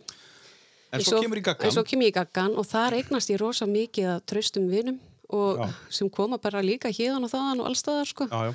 Og bara lífið bara snýr við sko. Þarna var þetta þá þannig að Barnaskólinn, Odderaskóli og Lundaskóli hittist í gagganum. Já, Já. og bara, ég vildi eiginlega að væri svolítið ennþá. Hafa, hafa krakkar ekki bara gott að því? ég held það sko, bara fyrir þá sem að einhver lita vegna falli ekki inn í hópin, Já. þá Kemur svona setni séns. þá fá þau bara að kynnast breyðari hópum sko. Þannig að veist, ég er ekkert alveg viss um að það hafi verið rétt ákvörðunum að, að, að halda hverju, hverfi fyrir sig út af fyrir sig. Nei. Líka maður sér það bara, veist, þegar börn eru að ströggla og fóreldrar eru að setja inn að síður bara hvað á ég að gera, þú veist, það er alveg saman hvað við Já, reynum og barnið já, er ekki tekið inn í hópin og, Já. og svo er, er barnið flutt um skóla og, og býr nýtt líf þar, sko. Já, og, og, og þá, þá er- er barni samt svona eitt og sér að koma yfir í nýjan skóla. Í staðan fyrir bara, það eru bara þrý skólar að koma, veist, inn í, inn, í, inn í nýjan skóla. Og það er einhvern veginn svona meiri jafnbæði, sko, heldur en þessi eitt barn sem er komið, af hverju er komið, hver er þú? Og svona, þú veist, fattaru. Þannig að við upplifum hitt, Mhm. þú veist, bara að, koma úr þremur áttum bara á hei, partí, þú veist, í gagganum, sko. já, Um, já, það, það hefur breyst og, og, og, og hérna, það eru plúsar og mínusar þarna. algjörlega. Já, En veist, eins og til dæmis þegar ég nefndi með hestana áðan, þá, veist, þá á ég með ein, stærstu minningunum mínum úr lundaskóla, það var þegar ég fekk að fara með hestana mína og sína nýri lundaskóla. Veist, þá var það einhvern svona viðleikni við að reyna að upphefja mig á einhvern hátt, sko. Mm. Já, og ég man eftir því að ég gatt, sko, hestur minn gatt fyrir svolítið latur stundum. Baldur. Eh, Baldur. Hann var ekkert alltaf geimi ef það væri ekki einhverju fórustu sögur undan að gera eitthvað flott triks þá Mhm. var hann ekkert alltaf til að líða mér sko en hann hlýtti mér þarna og, hana, og síndi bara sína bestu takta og ég man eftir að heyrt svona vá frá það var bara, þetta er eitt af mínu highlightum sko Já, í gegnum, já. Það bara hafa fengið að fara þarna með hestin minn og, og sína að maður gæti eitthvað sko En á þessum tíma þá þurftur að fá svona vá þannig, að þú Já, varst svona, já, já, já. þú varst bara, hann- ströggl og svona í, veist, í skólanum og, en síðan fórst yfir í brekku, eða brekkuskóla gaggan. í Gaggan, já. Já. Og það regnast ég sko mínar bara æsku vinkonur sem fylgja mér enn þetta og Já. svo náttúrulega krakkana í lundaskóla sem voru ekki jafnaldra mínir. Já. Þau eru líka að fylgja mér enn þann dag í dag sko. já, við, ég hef alveg, ég hef átt alveg góða vini þó þau voru bara ekki jafnaldra mínir. Og ég átti góð tíma fyrir utan skólan sko. Já, já, já, já, já. Og svo er ég alveg í ágættu samskiptu við ímsa bekkja félaga Já, já, já, já. í dag sem fullorðin manneskjár sko. Og ég ólst upp í grundagerði Grundagerði, já. og mamma og pappi eru þar enn Já, já. það er bara, þau eru búin að búa þar alltaf tíu og svo, Já, já. svo flyttið þessi trappa sýsti mín í Dalsgerði og, og svo Ella líka þannig að Já, þau eru hann í þrýhyrning sko Vá. og krakkanir laupa þann á milli og, og svo er alltaf eld þú ekki kominga upp yfir ég er bara mjög sátt hana Já, í megin við ána. 603. Já. Valdemar er 603. Já, og hann er mjög ákveðin maður sko ég var eitthvað, ég vil ekki vera þannig með þeim og það var bara, nei, ég ætla að kaupa þessa eign Mhm. og svo kom hún á sölu og þá var bara stokkið á það Já. og við erum búin að vera þar síðan sko í höfðaliðinni Já, í höfðaliðinni, já. Já. Já. og þú mistur einmitt að góðu partí Ég mista góða partí, já. Já. já. en Af hverju var ég, kom ég ekki? þú varst eitthvað, varst ekki í pílu eitthvað Já, ég var, nei, nei, nei, ég hefði sleppt pílunni. ég man, man ekki hvað varst að gera Var ekki bara lasin eða eitthvað með COVID eða eitthvað? Það hlýtur að vera. ég man það ekki það var en, en konaðin kom Já, já, það var partí á efstöðaðinni. En þið eru þarna, það, það er, það var búð þarna í þessari, það var Já, jú. á næstu hæðinni. já, já. Og verslunarstjórin bjóð hana á efstu, efstu, í Já, var minni það sko. þannig? Já, já. já. Já, En hana, þessi íbúð hefur alltaf verið sko, íbúð, mm Mhm. það var alltaf búið í þessum, þessum hluta þessu hluta, já. En við erum búin að vera að taka hana alveg í nefi sko. við vorum alltaf samda fyrir okkur sér tímabundi eða ég, kannski meira en Valdimar kannski að sá Mhm. Þú alltaf varst alltaf að leiðin yfir ána aftur. Mér langaði alltaf bara í einbílishús, það Já, var einhvern veginn já. alltaf draumur Já, að ég bjói í ráðhúsi alla mín æfi og alltaf verið háð einhverju nágrunum og ákvörðum tökku hvað nágrannin Mhm. vilja gera og svona mér hefur alltaf dreymt um það bara að pína að vera í einbílishúsi og taka mín ákvarðanir bara sjálfu með jólaskraut og mm -hmm. liturinn á húsinu og allt þetta Já, en, en þarna svo bara erum við á svo geggjum stað með geggja útsýni og, og búin að Já, taka er það ekki? Þetta er bara- náttúrulega bara örugglega með fallegir útsýnunum Sjáuð ekki inn eiga fyrir bara? og Jú, bara... við erum svo hátt uppi sko, Já, einmitt. og bara ofbúslega fallegt hana Já, já þið er ekki að fara neitt. mjög partívært staður Já, sko. partíð að staðu, sko. Já. Já. Ég býð eftir næsta partíð, Já, já. ég mæti þá. um, en, en svo, svo uh, þegar búið með gaggan, Mhm. hvað tekur við þá? Vaffema, já, og það var líka mjög skemmtilegt Já. Og Hvað varst að læra þar? viðskipt og hagfræð og ég var í sko ég, við lendur undar í kennaraverkvalli sem að hægða hans á manni sko, en ég var örgulega í ég held ég hafi verið fjögur og hálft eða fimm ár sko að klára þetta Já. alveg að kapna, þetta var svo leiðilegt en ég var búin að ákveða ég ætlaði að fara í einhver fyrirtækja business með fúsaf sko Já. hann ætlaði að sjá um kokkadæmið og ég átti að sjá Mhm. um peningahliðina og ég er bara ekki sérstaklega góð í þessari peningahlið sko.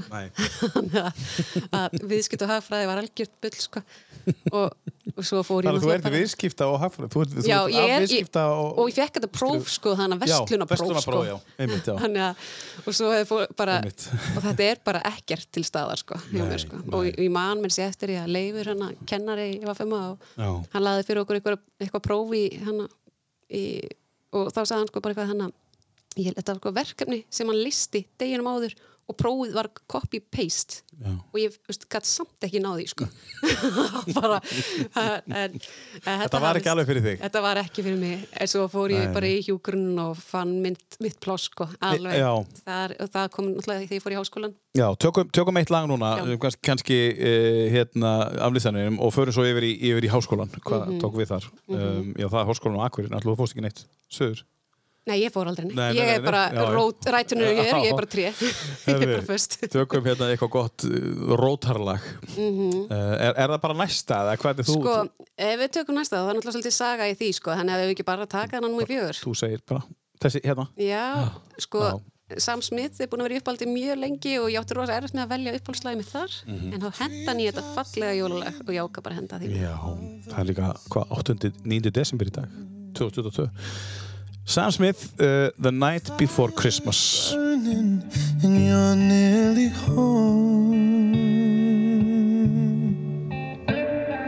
The bars are all empty, I can't hear a soul.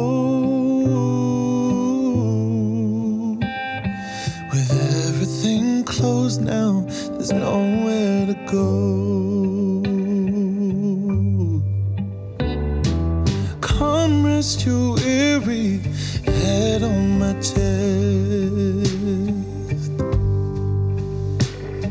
The year is behind us, we're still at our best. The magic of Christmas is what's coming next.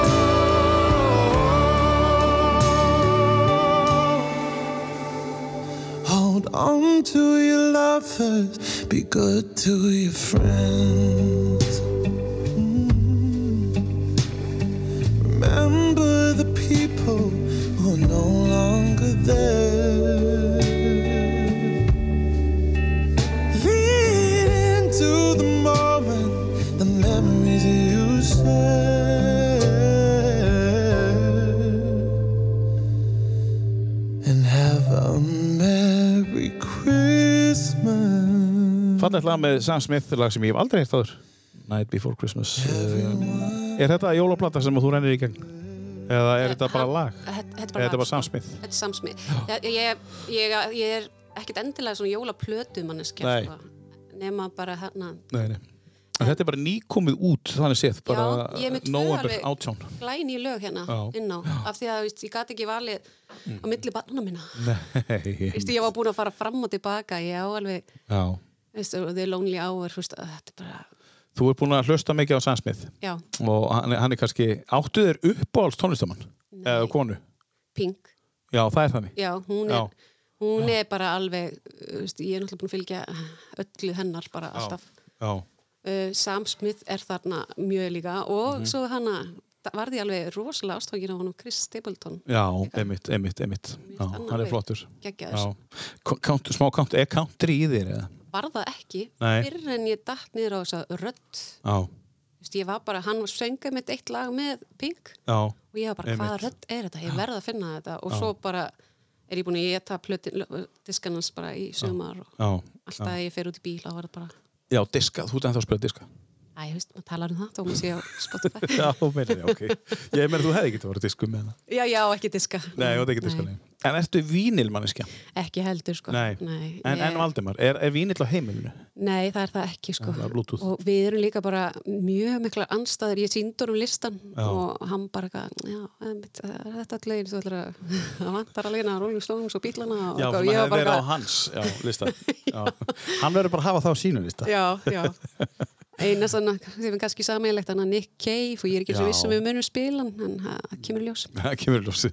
Herðu, við vorum leiðin í háskólan á Akureyri. Þú sagði náttúrulega í byrjun að þú hefur ekkert farið úr bænum, þannig að þú tóst bara námið hér og hér. Já, já, sko, ég var alveg með eitthvað framtíðar drauma öðri sig, Mhm. en svo bara gerist lífið, sko. Já. Það veist, ég hérna verð ólétt af Óluföldu og meðgangan og gekk mjög illa Já, og hún er fyrirburi hún, og við tók margra ára veikindi.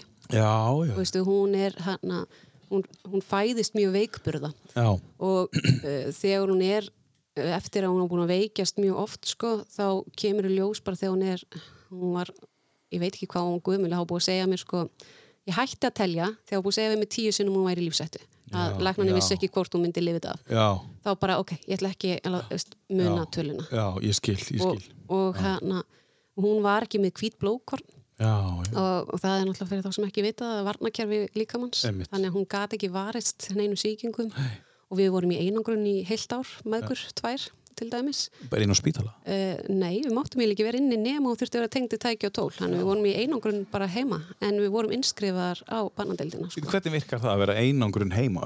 Inn í þetta er bara eins og COVID var En bara inn í herbyggi þá? Nei, við- Eh, við- Inn í íbúðinni bara? í, heima bara hjá okkur Ég- hjá okkur, já. við- á þeim tíma voru við bara tvær uh, en hanna, systur mínar voru Já. náttúrulega mér innan handar Já. og mamma og pappi, alveg rosa mikið Já, og hana, líka sko tengdafóldra mínu fyrirhandi og eru náttúrulega bara alveg indislegt fólk. Já. og uh, sýstir tengdamömmu, hún kom líka hana sterkinn á þessu tíma líka að bakka mig upp og reyna svo ég gæti fengið mér göngutúri eða eitthvað sko. Já, einmitt. en það var mjög þröngt net af fólki sem mátti nálgast hana. Hún Já, mátti til dæmis ekki hitta neinn börn. Við fengum undan þá fyrir Daniel sko, Mhm. og það voru allir bara þetta var eins og COVID, sprittar í drastl og, og, já, þetta var bara eins. og já og ef að við þurftum upp á barnadeild þá var farið bara beint inn á herbyggið okkar sem við nefnt, áttum bara Já, þar einmitt. og það var bara hún þurfti að vera tengdið tækja tól Ég skil. en annars voru við heima En var það ekki bara betra að vera heima heldur en að vera upp á bandadild? alltaf, Já. allan daginn fínt að vera upp á bandadild en ekki það er bara Já. ekki hægt eðst, við vitum alveg að það Mhm. er bara erfitt að vera ekki heima hjá sér það er bara betra að vera í sínu rúmi, í sínu umhverfi og, og, og svona. En þetta er áður en þú fer í skólan? já, Áður, já. og það er í raunin í hennar veikindaferli. Ég var aldrei búin að sjá fyrir mér hjúkurununa sko, Nei, mér datt það í hug. Að, og svo er það þar sem ég sko aðalega lendi á sko, það er, það er eiginlega helst sko þeir hjúkurunfræðingar sem voru ekki alveg sérstaklega góði hjúkurunfræðingar Nei, sem urðu til þess að ég vildi fara í námið svo að það myndi ekki fleiri fóreldrar þurfa að upplifa það sem ég uppliði Mhm. Þú veist, það var alveg ímislegt það var ímislegt í þessu ferli sem að hafði bara langvarandi og alvarlegar afleiðingar Já. og þú veist, sem fólk gerir sér ekki grein fyrir hvað orð geta Já. vegið þungt Já, Þú veist, við lendum í því til dæmis að það er fyrir bara algjöran astnaskap í rauninni að heilbreyðstarfsmaður segir við okkur að, að barnið okkar sé með hvítblæði sem hún var ekki með og Já. lagnirinn hafði ekkert fyrir sér í því og, og þetta var bara ítt út af borðinu bara á mjög stuttu tíma Já. en þarna var búið að ganga á svo miklu Já. og það var bara til þess að, að það, þetta hafði bara af, alvarlega afleðinga fyrir parsambæti sem ég var í og Já. varsföðu minn sem að bara halvpartin stimplaðis út Já. eftir þetta sko. Þannig að orð hafa bara mikið að segja og á þessum tíma voru við líka búin að vera að gangi í gegnum það að missa vinkonum mínu sko. Mhm. líka sem að ég ætla Já, að fá einmitt, að spila lag um. Já, algjörlega, sem að þú á textan við. ég á textan við, Já, já, við spilum þá eftir. Þú á Mhm. tvölu sem við ætlum að taka. já, já. Eða, ég á, við, sem á sem ég á textan við sko. Mhm. Já, og þessi uh, þetta var, til þess að ég ákvaða að fara í hjúgrunnámið Mhm. og, og ég ætlaði að verða verulega góð hjúgrunfræðingur já. og, og ég tel því markmiði hafa verið náð og hana Ég, það, það þurfti ekki mikið að samfara þig þá þessa hugmyndafræði frá Sigrunu þegar hún se- segir hvað hún er með upp á borðið hvað hún vil gera að fá þig um borð. Neða bara alls ekki bara, sko. þetta er nákvæmlega það sem ég langar að gera. Uh, Já, og hana, það er náttúrulega bara svo margt búið að eiga sér stað. Þetta, þetta sem ég var að vísa í núna, það er náttúrulega margra ára Já. gamalt, sko. Já, Ólafalda er náttúrulega að verða 18 ára í mæ, Og hann er að, en það er svo margt búið eiga sér stað á þessu tíma. Já, En það sem að hugmyndafræðinarni Sigrunar, hún smellpassar með mínum, sko. Já, já. Og, og ég veit alveg að við höfum haft áhrif á hvora aðra og í því sem að, hvernig fyrirtæki blómstrar í dag. Ég veit alveg að En það er það bara þannig, maður Já. brýnir mann, einmitt ekki satt. um, Þú fóst uh, eftir þetta og vildi verða uh, hjúkunar kona, hjúkunarfræðingur uh, og þú fóst að nefna það þá í háskólanum Akureyri eitthvað og uh, tókstu þetta í staðnámi eða Já, ég var í staðar Já. og hana, var ógislega heppin fyrsta önnin mín sem ég var í hana Klásus þá e, kynnist ég alveg mögnuðum e, nefndum sem að Mhm. verða bara mínir mjög góði vinni mínir hérna á þessu tíma Mhm.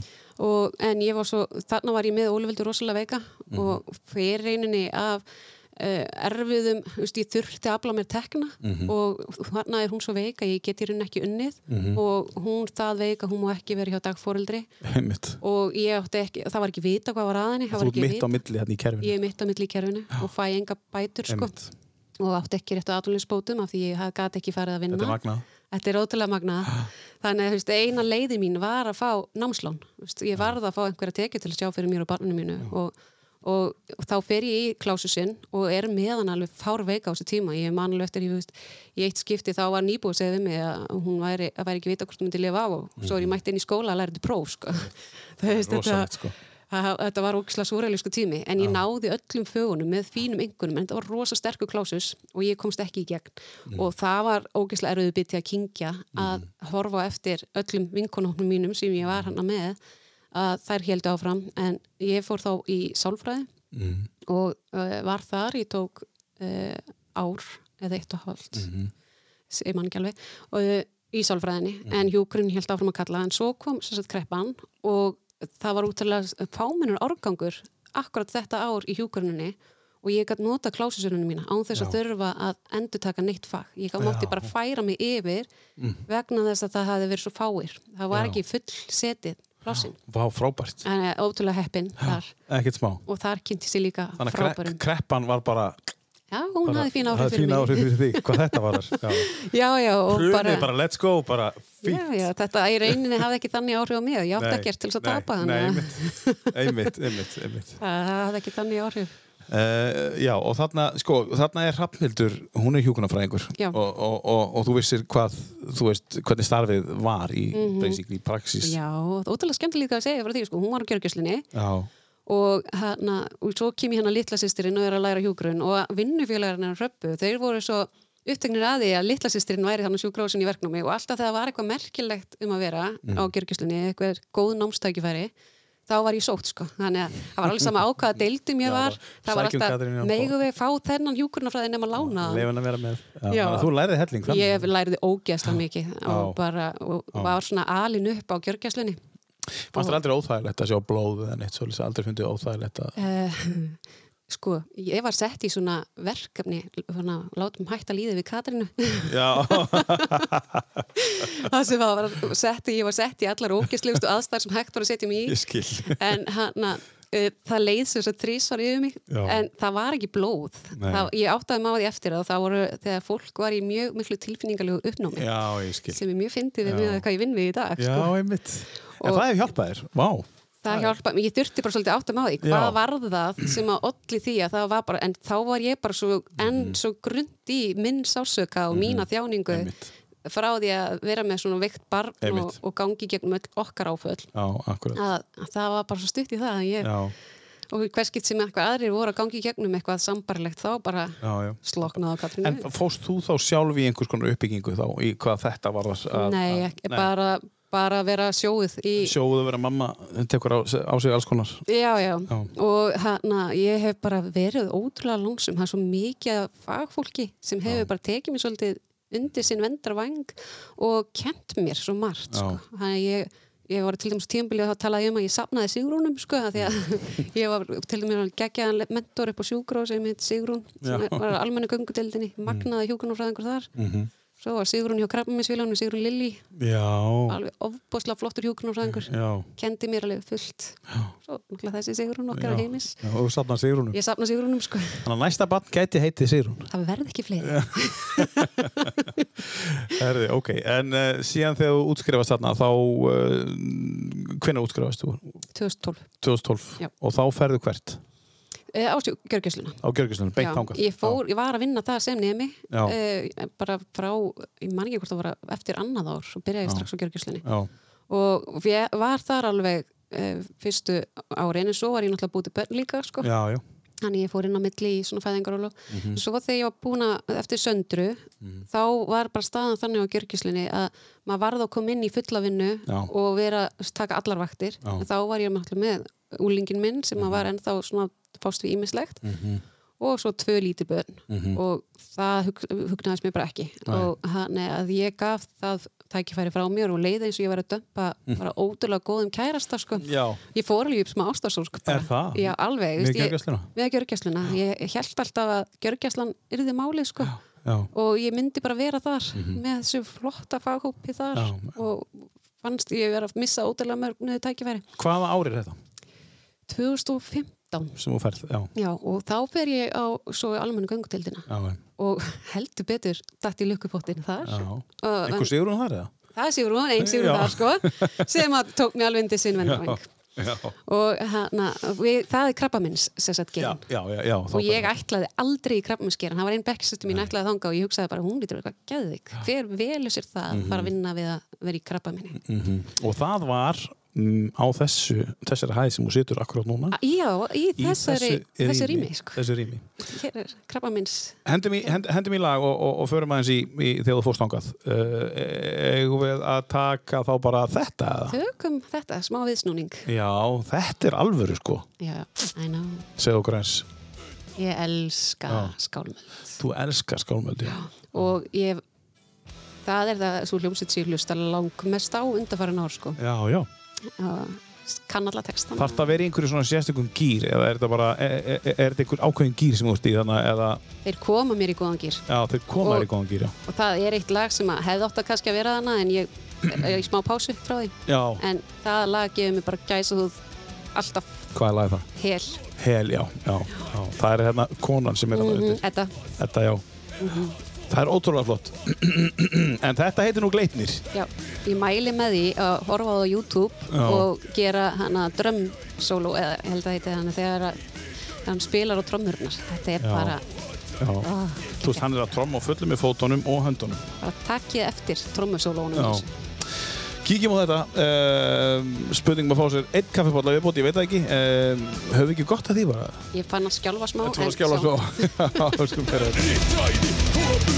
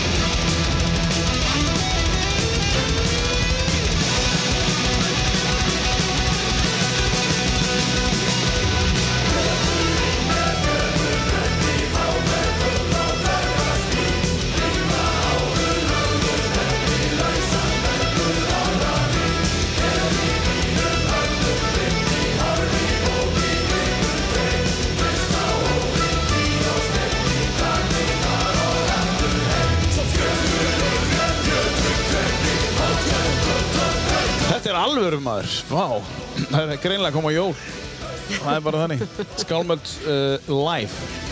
Gleip, Gleipnir heitir þetta, Skáhöld, þetta er náttúrulega Skálmöld og Symfóniuljónsitt Íslands. Uh, Þú spurðir aðan hvort ég hefði farið á tónleika einhverjum. Ég Já. hef búin að fara á nokkra tónleika með þeim já, og það er svo. Já, Ég er líka að fara á tónleika með Pink já, ok.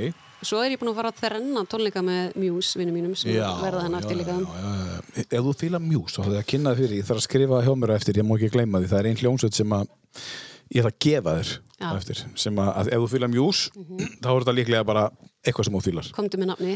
Uh, uh, það heitir, hún heitir uh, Thieves eitthvað. Býtu ég maður núna. Ég held að, ég held ég viti hvað hljómsveit að tala um. Uh, nothing but Thieves. Já, ég, ég held ég hafi prófað að hlusta á að, Nothing but Thieves, þetta er það, stöf. já, Þetta er bara, þetta er léttar útgáðan af mjús en, en sko, Já. rosalega flott stöf ég, sennilega er þetta ekki, sko, Þröstur máu minn, hann er, hann sem er sýsti mín að gifta hún Já, þrösturerni sem að satt nú Já, þarna, hann hefur setið hjá þér. já, já, og hann að við þröstur erum svolítið svona gaman, við höfum gaman að tala saman í tólist og við getum tala saman Já, um já. okkar sko, og ég minnir að hann hafi nefnt þessa við mig, að ég er að hlusta á þá Nothing but Thieves Já. já, já. Ég sendur hún skilabóð eftir, spyrir hvað þið segja það. En mér finnst þetta rosalega flott Þetta er pínu mjús Já. En svona, ég er svo að fara að hlusta þetta. svona light útgáða sko. Um, Þú varst að, við vorum áðan að tala um að þú hafi verið að útskrefast og, og þú hefði segt upp gjörgæslunni og farið yfir í krabbameinsfélagið. Já. um, Í, í krabbaminsdeildina fyrst, göngudeildina, Já. vann þar við krabbaminsjúkrun Já, og þegar ég er þar, þá nálgast krabbaminsfélagið mig og spyr hvort ég hafi áhuga að koma þanga Já. og sem ég gerði. Hinga þá? Í þetta Í þetta húsnæði. það það þessi leið mín mótaðist Já. þannig sem að leiði mig að því sem ég er komin í dag. Einmitt.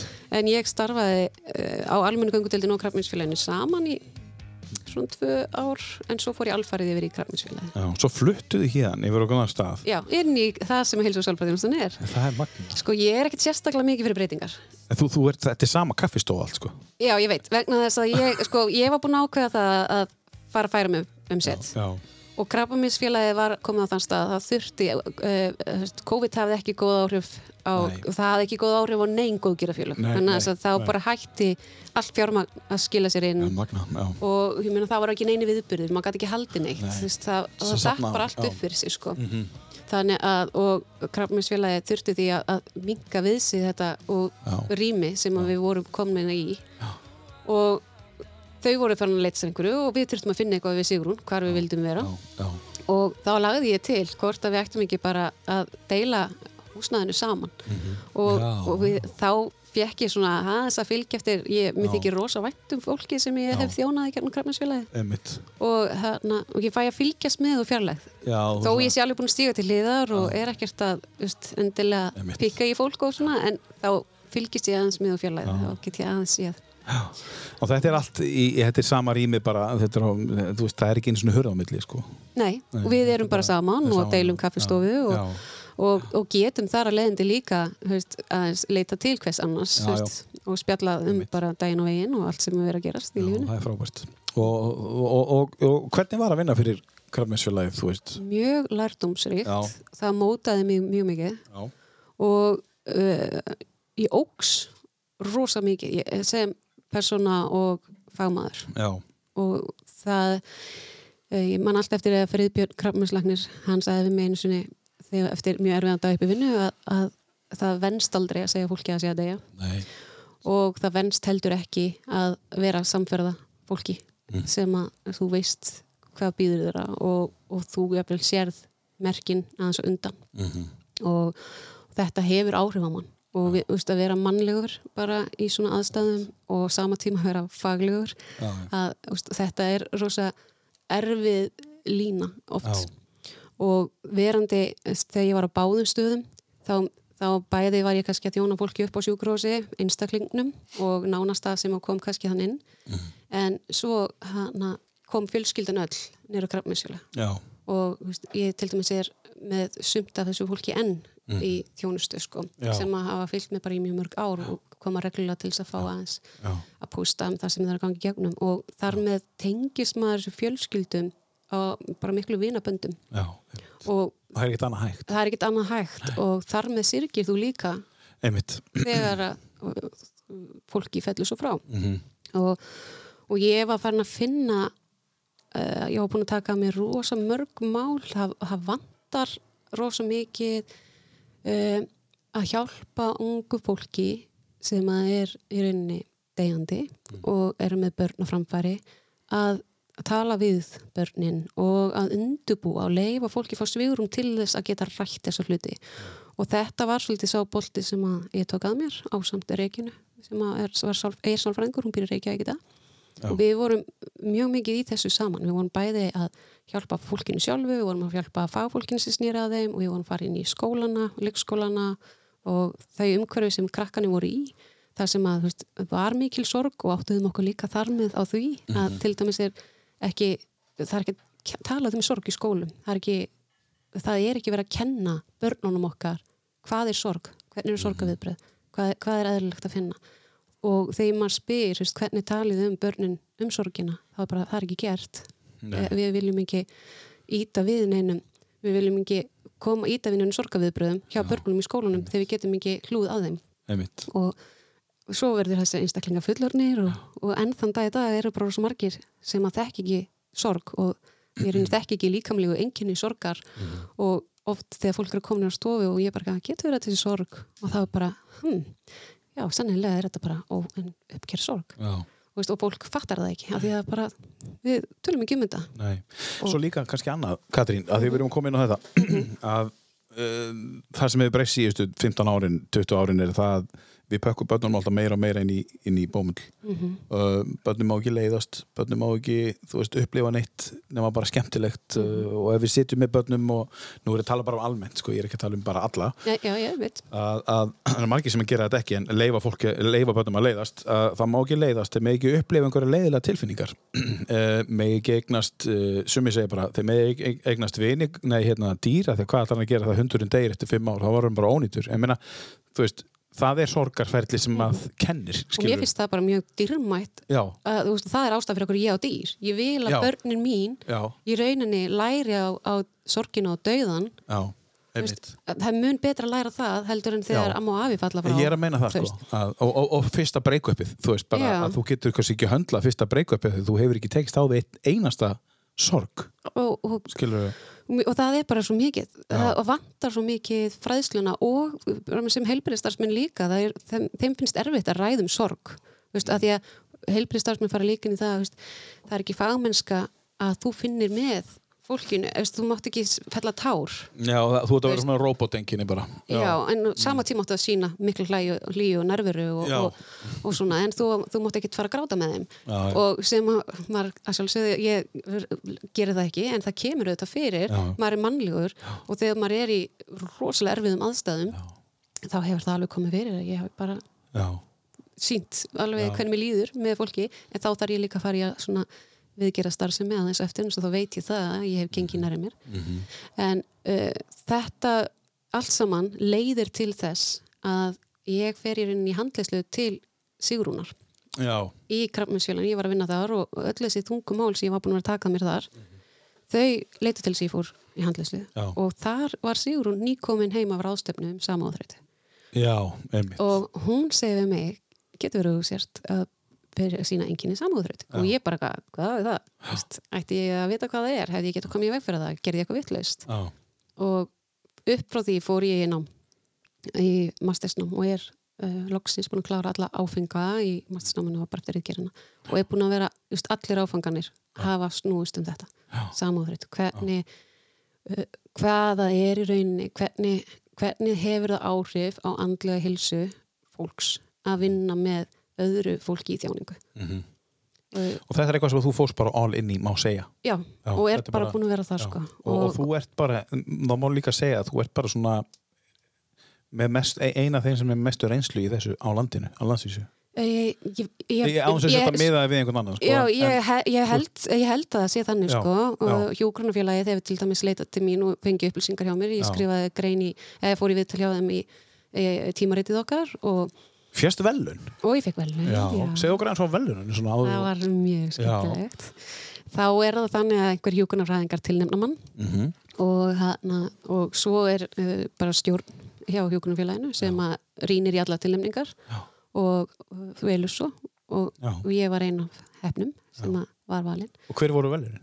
Eh, Ég fekk penningavelun, Já, uh, hálfa miljón, já, já, fyrir mitt vinnur mína í að opna umræðina um sama áþreytu. einmitt. Við að, já. Mér langar að fara dýbra í þessa sammála þegar því Já. að ég veit að þú setti líka, það er erindi inn á borðið alþingis Já, sem að þú skrifaðir. Mhm. Mér langar svolítið að, getur við talað eins um þá eftir? Já, ég fýð það. Um, hérna, tökum bara lag þá. Ok, áður, þá skulum við fara í hana elsku Lilja vegna Já. þess að áður við förum þangað Já. uh, ég nefndi áðan þegar Ólálda var lasin að þá misti ég vinkonu mína og það Já. var hún Lilja Guðmundsdóttir Já.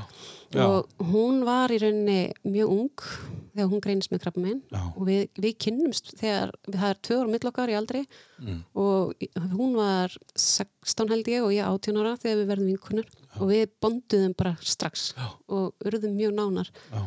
og hún deyr svo úr krabbamenni 22 ára gömul, ekki orðin það Já, jésus. og hana, það hafði náttúrulega mikil áhrif á mig Já. og, og ég var, það var svo margt af því sem hún rætti við mig og sagði við mig í tengslu við krabbamenni Mm. sem að kvíslaði í eirun á mér þegar ég fór svo að vinna í Já, já, akkurat. og oft á tíðum það fannst mér ég líka bara að finna hendina hennar á, á öxlunum mínum þegar ég var í erfiðum málum og, Já, og svona ímyndaði mér að, að hún tæki nú á móti þessum einstaklingum meðan annars, að við værum svona saman í þessu ertu svolítið svona að því að þú ert að starfa við þetta þessi erfiðu mál Mhm. er, er erfitt, nú, ertu svolítið svona opinn fyrir tilfinningum. Já, já, já, já, ég er það. Já, og ég er sjálf, anna, anna, ég væri ekki ljóðsköldnum, ég væri tilfinningabúnd já, já, sko. einmitt.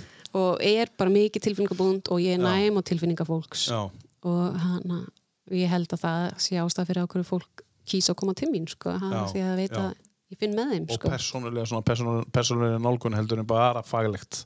Eða þú veist, þetta er alltaf faglegt en, en Mhm. svona, það, það er eitthvað svona fín lína þarna á milli, þú veist Já, sko, ég sé fyrir mér alltaf Traust, trausti kemur það sko treysti kemur, já, Já. já. Ég, bara, ég er alltaf svo þakklátt fyrir það að fólk treysti mér fyrir því sem það er að gangi í gegnum sko. og, að, og ég er þakklátt fyrir að hafa fengið að lappa að vera samferða fólki Mhm. sem hefur verið að gangi í gegnum erfiðustu skrefin í lífið sínu oft á tíðum sko. og það sem ég hef lært af öllu þessu fólki er ómetanlegt. Já. maður brýnir mann einmitt og, hana, og það er bara uh, ég, það, ég get ekki líst því hvað ég er oft þakklátt fyrir hvað ég hef lært af fólki og, og fengi að kynnast alls konar fólki, ég get sagt að ég hefi eignast vini á öllum aldri í rauninni já, og, og, og mikið af þessu fólki ef ég hitti þið enn þetta í dag og eru faðumlögu og, Já, og já. það er mikið hlýja sko. og það er þetta tröst og, og þessi, þessi nánd sem, að, sem að kemur og, og, og, og, og hún er fagleg og, og hún er líka persónleg og, og það er þessi fína lína sem að um, einmitt góðu fagfólki fólki tekst að búa til þetta minnst bara lækni dóttur minnar þetta er Þóruð Þorkelsson. Að mála að nefna það hérna, hann er svona hann er þessi gæði sko. Já. Veist, hann, hann er inn á heimilunum hans en hann er samt fyrir utan heimilið skilur, og þú veist, er svo, þú veist, þetta er svo magna sko. akkur þessi fína lína sko. þú veist bara, þetta er alveg einstaklega, einstaklega þegar maður upplifur sko. En ég, hann, við samtið þetta ljóð við hana, þetta lag og Gulli vinnu minn uh, sem var með mér í háskólanum hann, hann var sjálfur búin að upplifa mikla sorg og átti við ímislegt að stríða þannig á þessu tíma og hann samtið þetta ljóð lag við ljóðið. Og hann og hann notaði hans, þegar hann var í uh, tónlistanámi Erlendis, ég man ekki alveg hvort það var í Noregi eða Svítjóð og hann var að fá og hann gerði allt sem sagt, hann útsetti þetta allt saman öll hljóðfæraleikur og allt saman. Já, er hann tónlistamæður? hann er tónlistamaður, hann býr Erlendis í dag. Gunnlegu Blöndal? Já. og uh, við höfum ekkert, ég er ekki neinu samskiptum þannig í dag sko. Nei, nei. Bara, en ég veit ekki alveg hvað hann er að gera í lífinu en hann gaf mér þetta samt sem áður. Við eigum þetta svolítið saman. Um, Það eru tvö lög sem að þú hefur samið. Mm við komum inn að hitt lagi þetta strax svo eftir. Já. heyrum þetta, heyrum brotur þessu fína lagi. Já. þetta er til hennar Lilju Guðmunds Já. uh, vinkonuðinnar, Elsku Lilja heitir lagið. Já. og þú á textan Já. Senni hárið liðið. Mörgum hefur söknurinn sviðið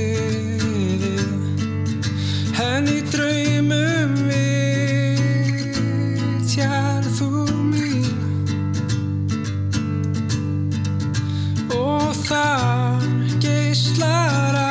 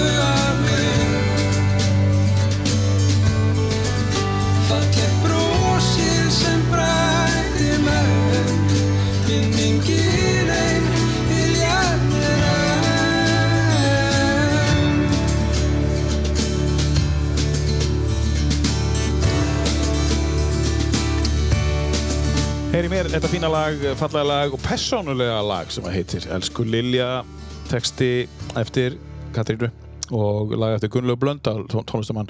Að plötunni Neyðaróp. Já, það er, intense Já. titill á, á, á plötu. Og mikill og magnaði textar í hinnum ljóðanum hans sko. Einu lögunum, já, það má alveg gefa honum hérna sko, þetta eru nokkur lög hérna sem að hann er með í þessari plötu, þetta eru 12 lög hérna á þessari plötu sem gefur út árið 2011 um, Af hverju kemur þetta til þín að þú þurfur að gera þetta eða langar að gera þetta sem ég hennan texta? Kemur, Þetta er bara mín leið, útrásir mín. Já. og þarna á þessu tíma skrifa ég rosa mikið til Lilju. Já, og hana, ég náttúrulega bað hana að vak, vak, vaka við barninu mínu. Já, á þessum tíma. Og uh, Já, þetta þannig er hún var, fimm ára, fimm ára eða eitthvað, eða nei, nei, hún er bara rétt áskumur áskumur bara þetta gerist, sko, hún deyr, þegar, hún deyr fyrsta mæ Já, hún Lilja, þegar að Ólavalda er akkurat eins ás, Já. hún verður eins ás 12. mæ já, ég skil og uh, fyrsta árið á eftir þá er hún svo lasin mm Ólavalda og, og ég að sér ekki að mína vinkonu. Já. og á sama tíma þegar að, var talið að Ólavalda væri með krabba minn sem var svo ekki Já, já, kvíblaði, já, en þarna var það fyrir, mér og bara alveg mjög slemma fréttir já, já, ég trúi því en hann uh, og ég skrifaði bara svo mikið ljóðum til hennar Já. Og svo vill það bara þannig til að sko fyrstulega var annar félagi minn búin að gera texta við, nei lag við ljóðið sko. Já, og það var bara mjög fínt. Já. og mér þótti mjög vænt um það lag. En svo var bara Gulli sjálfur búin að vera gangi gegnum erfileika og Mhm. þetta talaði svo til hans og hann samdi þetta og þetta bara er lifir já, já. Fallegt lag, uh, fallegu texti og, og er að sjá textan einhvers staðar, þú veist, á netinu eða Já, ég, það er ljóðabók hún, Ertu búin að gefa ljóðabók? já, eftir að fá hann að las, lesas Já, já, útgáfu gefa þetta fyrir mig, já, eitthvað, eitthvað sem þú kannast við. Já, ég kannast við það. Já, ég var ekki búin að fá þetta inn á borti mín. Nei, en það er ekki búið að gera steldur heldur. Nei, ok, en þú átt Ég er með, sko, ljóðin mín er alltaf á netinu, sko. Já. eða flest er að ég er með ljóðabóku á netinu. Það er Katrín Jóns. Já, .bibli.com held ég að sé. Bi- Bibli. Bibli, Vibli Já, baf. Já, Bibli. En svo er held ég bara hægt að googla mér og kemur þetta upp. Ok, uh, og það er hægt að finna til með þetta lag. Um, síðan er annar lag sem að Steppi Jak syngur. Mhm. Já, uh, og semur, semur hann lagið líka eða Stebbi? Nei, nei, nei. nei. Segðu okkur aðeins frá hínu laginu. Hitlaði var eitt, um eitt hinn svona ljóð sem kom til mín. Þar var sem sagt, uh, Bekki sýstirinn og Röppu sýstir. Hún missir dóttir sín af slísförum Já, uh, fjagra ára. Jenny Lilju já, uh, og hún er hana uh, þegar að það rappa ringir í mig til að segja mér frá því þá var náttúrulega bara mjög harmþrungið símtal Já. og, og þá bara kom það ljóð og ég gat ekkit lagt pennan fram, ég þurfti bara að fara inn í herbyggi og skrifa þetta ljóð og svo satt þetta ljóð alltaf í mér svo hitti ég vinkonunnar hann að Rebekku Mm.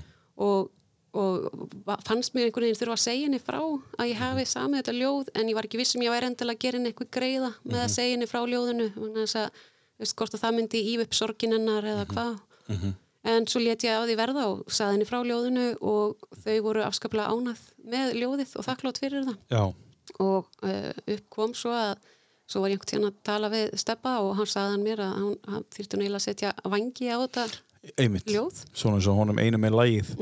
að og og, og ég, svo er sko eina af mínum bestu vinkonum, hún er Rósa hún er lagahöfundur og, og, og hefur verið hann hjá leikofnum Lottu, Rósa Kirsdóttir. Áskistóttir Rósa Áskistóttir. Já. Já, Rósa Áskistóttir.com stendur hana. Já. Já, og hún var einmitt í heimsókn hjá mér og hún bara býta aðeins, ég verða aðeins að fá að skrifa hún tók upp síma sinn og hummaði eitthvað aðeins inn á síman og þá var það eins hjá henni þá þarf hún stundum að fara af sig svo Bara bara kom eitthvað til hennar Já.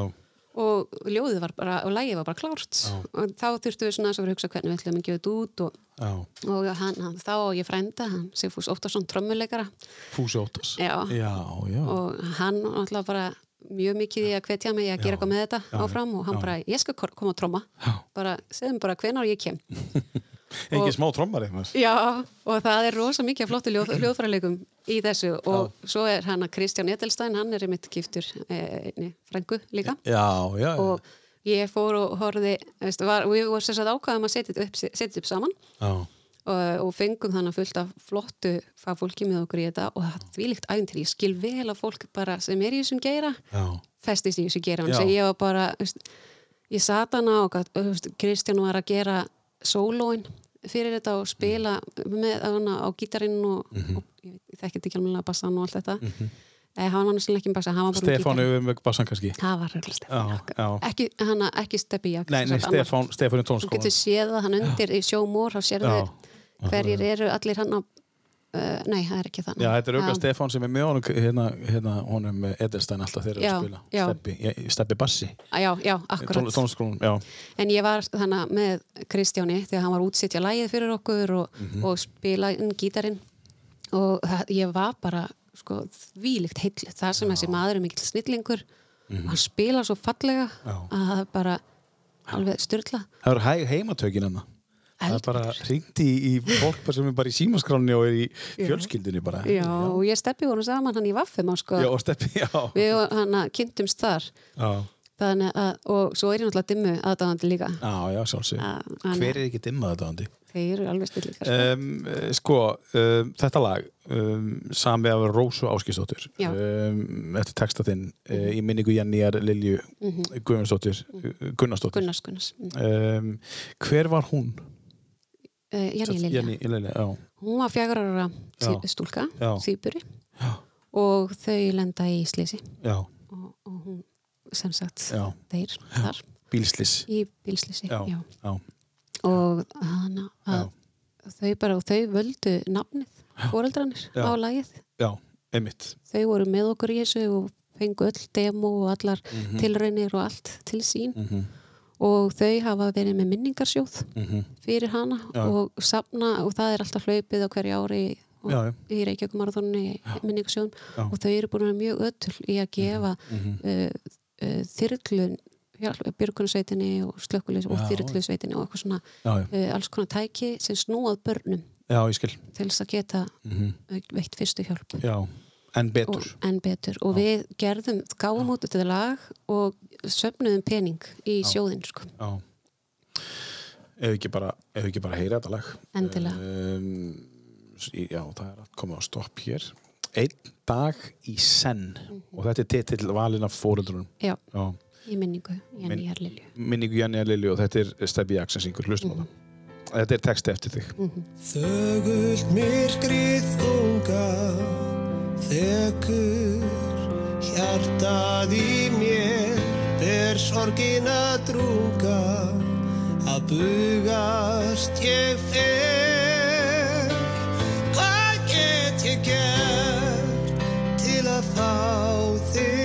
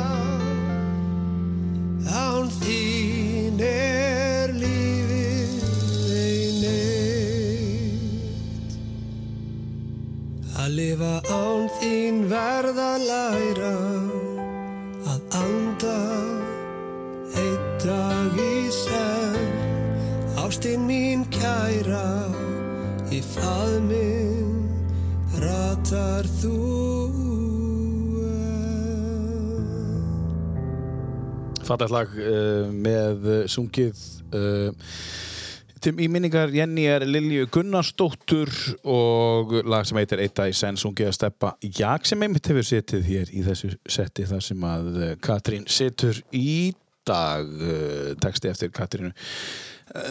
Já, þetta, er, þetta verður nú ekki mikið persónlegra og fallegra heldur en þetta hérna, Katrín, við nú að segja alveg sér.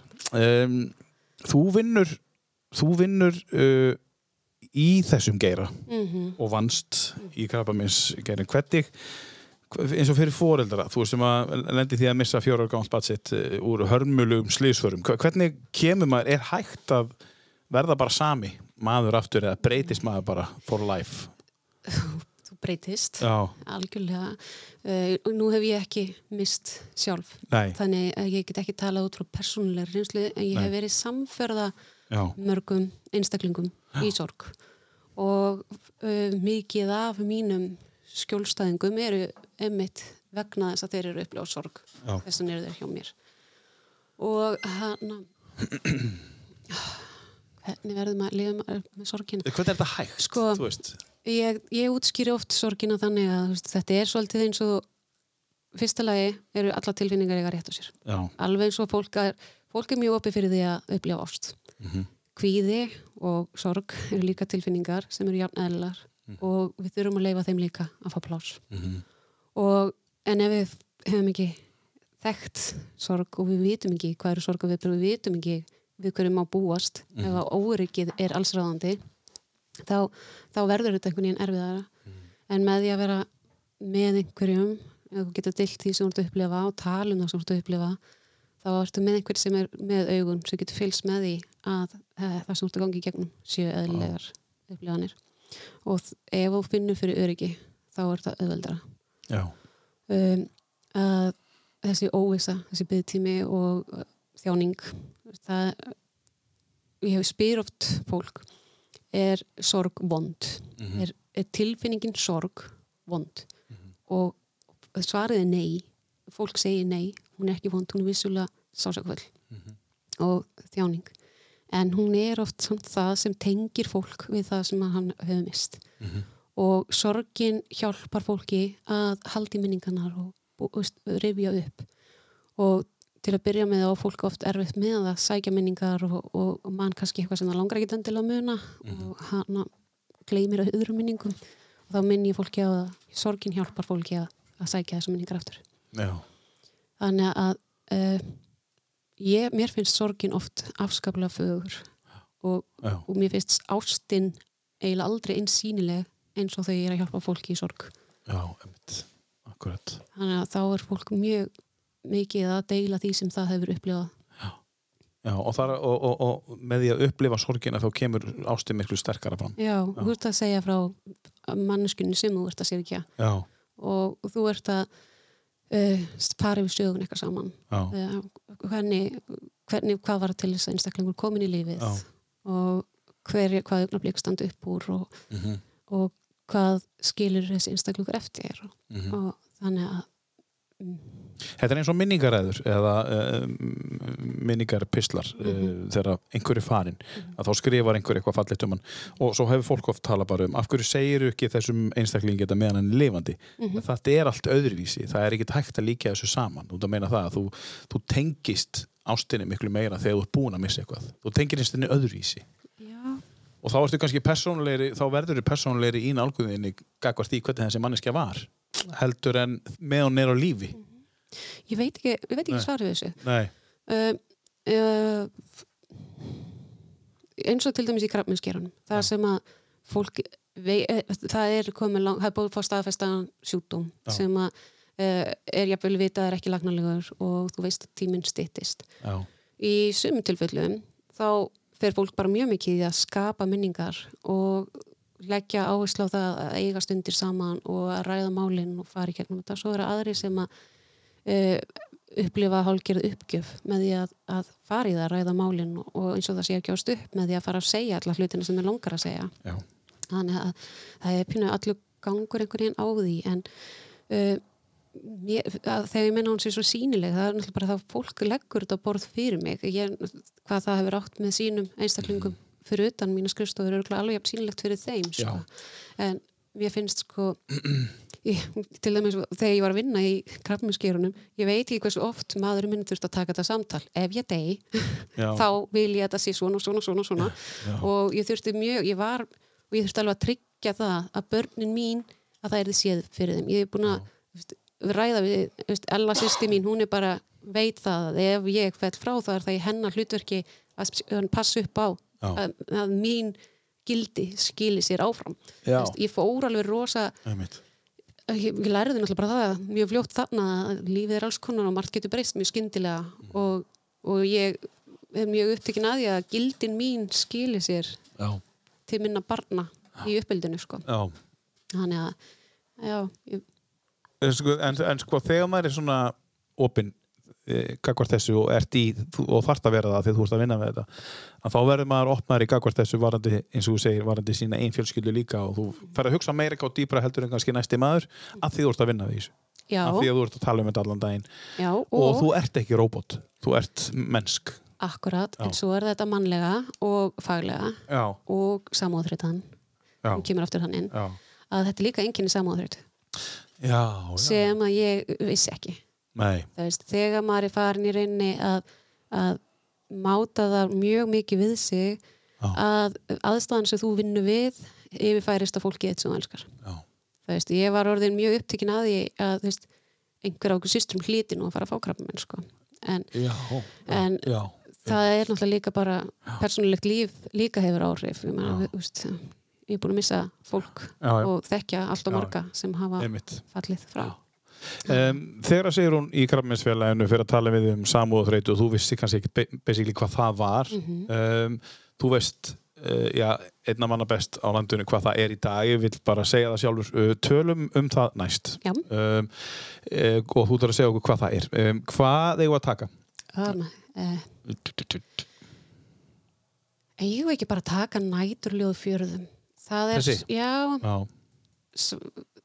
Já, ég held það, það Mann, er, mannin sem er nýfluttur í bæinn já, akkurat ég finnst þetta lag afskaplega anguvært og, og ég er náttúrulega eins og búin að vera búin að fylgja hans í mörgum hérna við erum búin að ræða sorgina, Mhm. þá bara passar þetta vel við Þetta passa vel við. Sendum þetta út í kosmosin til allara þeirra sem eru að hlusta og uh, sem eru hér og eru ykkur starf annars þar. En þetta er Svafa Knútur, ný fluttur í til Akureyrar. Næturljóð úr fjörðum. Fallegu texti, fallegu, fallegu titill á, á, á plötu. Faðmlög. Hlustum á þetta. Kroppar þar gras í grænni tótt Gimbillum ljósa sumarnótt Ókleifum fjöllum yfir skið Ein er þar huldu fólksbyggð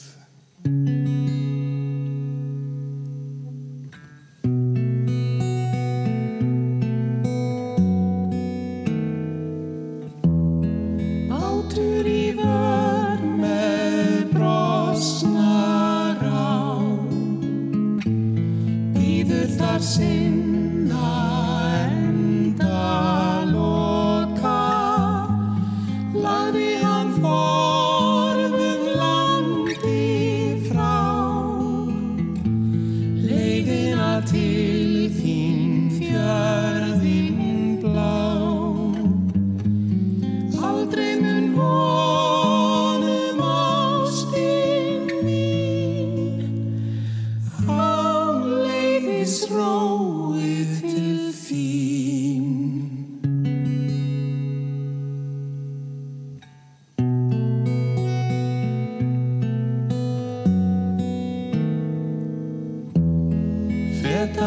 létt um fífusund Fólaldið sem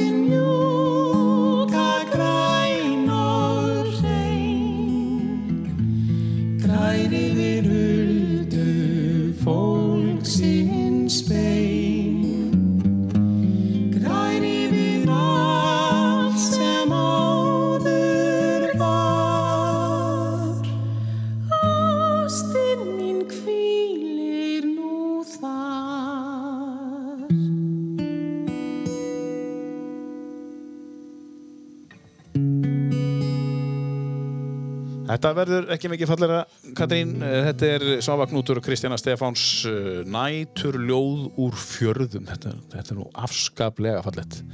Sjókredits, uh, Böðvar Guðmundsson semur þetta lag. Kristjana Stefáns og Svava Knútur flytja. Um, vindum okkur í þessa umræðu sem við erum bara alltaf að koma inn á uh, núna. Uh, segðu okkur aðeins hvað samúar þreita er. Hvað er samúar þreita? Byrjum á því. Já, sko, e, þegar ég byrjaði að skoða samúðrætuna, þá voru hún eiginlega skipt í tvo hluta. Annars vegar annarstegs áföll, sekundari tráma og svo kulnun. Og þetta gerist í rauninni yfir vaksandi hægt tímabil. Þetta er sko eh, það að vinna lengi með og verða vikni að uh, sálar ángist og þjáningu og það har að hafa áhrif á þig í rauninni. Þetta er upphafsmaðurinn er Dr. Charles Figley sálfræðingur og hann var að vinna sagt, með hermunum sem voru að koma úr stríði Já. og hjálpa þeim að vinna úr sinni áfallastreitu röskun sem þeir voru að upplifa og hann ásamt fleirum fagaðalum voru að sinna því og svo fór hann að taka eftir því að vinnufélaganir, þeir voru að reynja í veikindi og hann sjálfur var farin að sína enginni áfallastreitu röskunar en var samt ekkert búin að vera að upplifa beint áfall sjálfur. Og þá fór hann að rýna í þetta að hann var í rauninni að búin að upplefa það að fólki sem hann var að tala við það lísti sinni angist af svo mikilli upplifun að hann fann fyrir þeirra þjáningu sjálfur. Já. og þegar þú ert ítrekkað að lendi því að vera að upplifa stert þjáningu annara þá fer það að hafa áhrif á þína líkamstarfsemi þá fer það að sína alls konar djúb streitu einkenni og, uh, og þetta fer að hafa áhrif á hugsunagangiðin, hegðununa þína uh, líðan þína og margt annað. Hugsunargang og hegðun og líðan, er það þá um, svona myrkari hugsanir? Uh, Já, til dæmis eins og ég var farin að yfirfæra minn ótta svolítið yfir á fjölskylduna og þú veist, ég þurfti alveg mjög oft aldrei maður oft bara, Katrín erum við alveg að fara að tala um döðan aftur. Þú veist, ég var alltaf bara, við þurfum aðeins að ræða málin. Og er neikvæðinni? Kemur það með þessu? Já, þetta nefnilega breytir sko neikvæðari sjónarhort og er meira pyrraður og uh, verður bara svona Já. minni gleði og þetta er bara, þetta getur haft mjög margvíslega áhrif. En það sem að heillar mig mest í þessu, það eru áföllin. Og ég vil meina að það sé bara almennt starfstengt áföll og þau eru, það er hægt að greina þau í alls konar undirflokka og ef við tökum bara sem dæmi, ef við byrjum bara á Vicarious Trauma sem hefur einhver luta vegna verið þýtt á íslensku sem staðgengils áfall þá getum við tekið sem dæmi uh, lauruglumann sem er nýbyrjar í vinnu og hann hefur þá trú að fólk sé gott, flestir menn eru góðir en þegar hann er búin að vinna lengi og taka mótið mörgum einstaklingum til dæmis í neyðarmótöku að þá breytist sínin hans yfir í uh, flestir menn eru vondir eða flestir menn geta gert slæma hluti Já. og þá er sín, heil, þín sín á heiminum er búin að breytast í kjölfar áfallan sem þú hefur upplifað í starfinu Ég skil. þetta er vicarious trauma svo er annarstegs áfallið sem hefur alltaf verið skil- eh, skilgreind undir í samúðhrautinni uh, secondary trauma það á við þegar að uh, þú ert fagaðalinn sem tekur á móti einstaklingum sem var að upplifa áfall Já. Uh, það er til dæmis eins og í krabbminskeranum að þá ert þú uh, vitni að því þegar við erum að segja einstaklingur er að fá þar fréttir hann sé degjandi þú ert, þú ert vitni að alls konar sásökafullum inngripum. Þú ert vitni að því að sjá dýnandi lífsgæði. Þú ert vitni að uh, fjölskyldum í sorg. Og þegar þú ert búin að vera ídrekað vitni að svona þá ferð þú að finna djúft með fólkinu sem þú ert að þjóna. Að þá ferð þetta reyni að verða þú að fara að finna fyrir þessum áföllum. Og þetta getur leitt til þess að þú farir að veist, vera meira uh, lokaði meira af. Þú ert, þú ert ferð að meira verja þig. Þú ert að hætta að finna eins mikið með. Þannig að þú ert átt erfiðara með að nota samkendina þína rétt.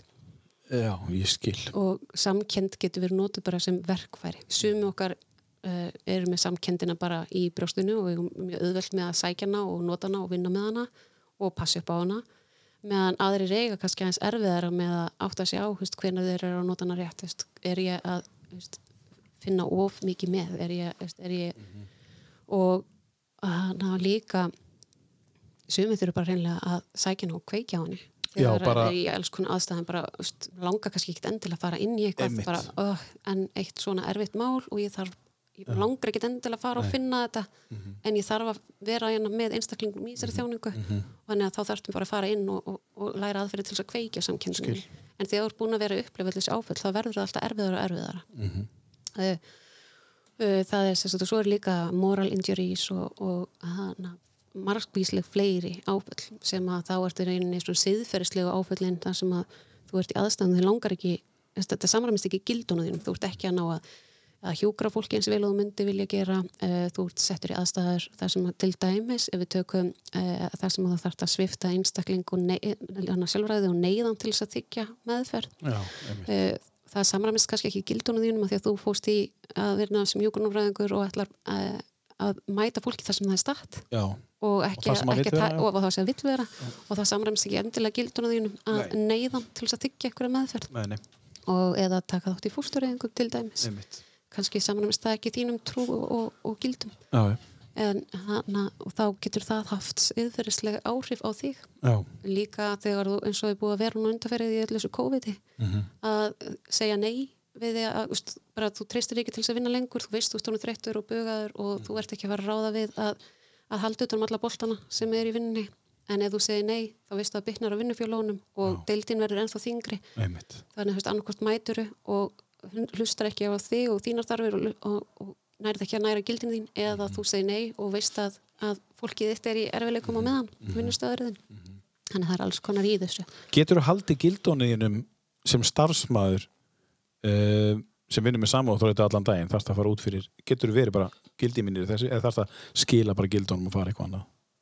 uh, alveg gildin, ég vinn alltaf sangat gildunum mín Það er bara þannig. Já. og, ég, og, og til þess að vita hver gildin eru þá þarf það að vera búin að fara í smá sjálfsvinnu. Já, er það ekki? það þarf að vera sjálfsþekking til staðar og þú þarf að vera meðvitaður um hver eru þín gildi. Getur það hjálpað þér að lenda ekki í það gerir það, vegna þess Já. að ef þú þekkir vel gildinu þín, þá veistu líka þegar þú ert útsettur fyrir því Já. að, veist, að þú varst ekki að vinna samkvæmt gildunum þínum.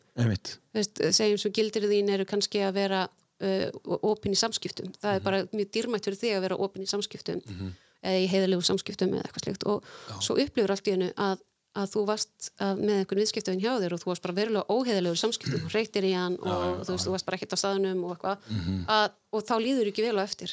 Og þá er bara ok, veist, hvað er í gangi þannig af hvað, hvers vegna var ég ekki að vinna samkvæmt gildunum mínum? Akkurat. hvað, þú þá getur verið að því að veist, bara orðin of þreyttur, það er Já, mikið álag veist, hvað þú ert að stoppa, staldra við og bara í smá viðgerð Þannig að þetta hjálpar þér augljóslega að vera með gildiðin í lægi til þess að lenda ekki í, já, í, í, í, í samúðatreitu Mhm. frekar en að vera bara út um allt. já, og ég var rosalega lánsum Já. að hafa hitt á Sigrún á þessum tíma sem gerði vegna þess að, að ég var bara rétt að, að byrja að þróa þetta með mér og ég gætt gripið strax inn í hún sem ég bara fekk svo mikið áhuga og fór að lesa mig til Já. og mér langar að vera mér langar að sporna gegnum þessu þú veist, það er verið að tala um atgerðisflótta ítrekkað Já. og það er búið að vera að rýna í hvers vegna er svo mikill atgerðisflótta úr heilbriðiskerfinu Já. og, og það er verið að tala um launin sannarlega, Já. vinnu álag sannarlega Já. en það, það vantar svo mikið að heilbriðiskerfi spyrji sig okay, hver, hver er að sinna vinnunni og hvernig ætlum við að bera ábyrð á því að hlúa á starfsfólkinu Mhm. hver ætlar að mæta þetta um að þú sannarlega verður fyrir áföllum, bæði beinum og annarstegs áföllum Já. sem heilbriðistarfsmaður Já. Og það er eitt af því sem okkur var ekkert kent í hjúgrunnáminu Þú veist, það, það var bara, það er bara kilapúnt þegar þú þarf bara að læra að höndla þetta. Þú veist, ef þú ert ekki að höndla þetta, ert ekki nú góðu hjúgrunnáfræðingur En er þetta kent í dag eftir að samúðatreitin orðið viðkjönd? Ég sko allavega sagði kennari minn eh, í einu verkefninu, hann bara, og ég gaggrindi skólan í einu þegar ég var að kynna verkefninu mitt upp í skóla og þá sagði hann ég skal taka þetta bara til mín beint og ég mun setja þetta inn í námskrona hann ég, Já, ok. ég vona En bara að það? Þessi kennari sér um áföllin og Já, annað upp ok. í háskóla, hann er Ok. vonandi er það, og, og erlendis er þetta ekkert nýtt á nálinu þó að þetta sé ekki mikið talað um þetta hér heima þá er búið að rannsaka þetta mjög mikið úti spánverið eru búin að að rannsaka þetta til dæmis Já. og bera saman heilbyrðistjættin og mentakerfið og þeir voru með tölur á því fyrir COVID og svo í Mm. upphafi COVID í lengra liðu á COVID Mhm. og þeir eru bara alltaf að taka stöðuna og það er mjög áhugavert að sjá Getur þú nýtt þessar tölur já, já, já, já, við getum alveg, en okkur vantar tölur hérna heima, okkur vantar að vita, við okkur vantar að bera saman, Já. en það er ekkert sem að gefið kynna að þetta ætti að vera eitthvað öðri eða betra hér heldur en erlendis. Þess að það er náttúrulega búið að vera neyð og róp frá heilbriðskjörnu í mjög langa tíma Já. og mentakerfinu. En svo má líka minna sig á það að starfstengt áföll eru víða. Það er ekki bara heilbriðstarfsfólk eða mentaksstarfsfólk sem upplifir starfstengt áföll. Vegna þess að, bara uh, við tökum uh, bara allar stjættir, bændur. Uh, að, að taka fyrir hvernig þeir eru upplifa starfstengt áföll þegar þeir þurfa að fella dýrin sín eða eitthvað kemur upp á alvarlegt. Já. það, það er bara starfstengt áföll allstaðar en ástæð fyrir okkur þeir þeir tengt við þessar stjættir það er vegna að þetta er búið að rannsaka svo mikið. Já. það er búið að rannsaka mikið á meðal lauruglumanna og slökkulismanna og það Já. líka verið rannsaka á meðal bladamanna uh, til dæmis og, fyrir, og þá líka, ég man eftir ég lasa rannsókna sem að rítarar hjá lauruglunni Já. þeir voru að, að erlendis þeir voru að þróa með sér mikla samátreitum þeir voru að skrifa niður Já. allar, allar skýslurnar Já, og, og, hana, úst, þannig að þeir, og þeir hittu aldrei fólkið Nei, nei. og þeir hittu, þeir bara lásu Og þetta, þetta, og þetta eru san, san, sanna sögur, þetta er ekki skaldsögur sem er að skrifa, veist, þeir eru að þeir eru er að segja frá því eins og lífið er, já. já. já, já, og þeir voru bara farin að þróa með sér annars stiks áböll og, og, og þá fer líka mér bara að bregðast líka mér og sálinn er bara svo beintengt En þessi flótti úr, úr starfstjættunum, Mhm.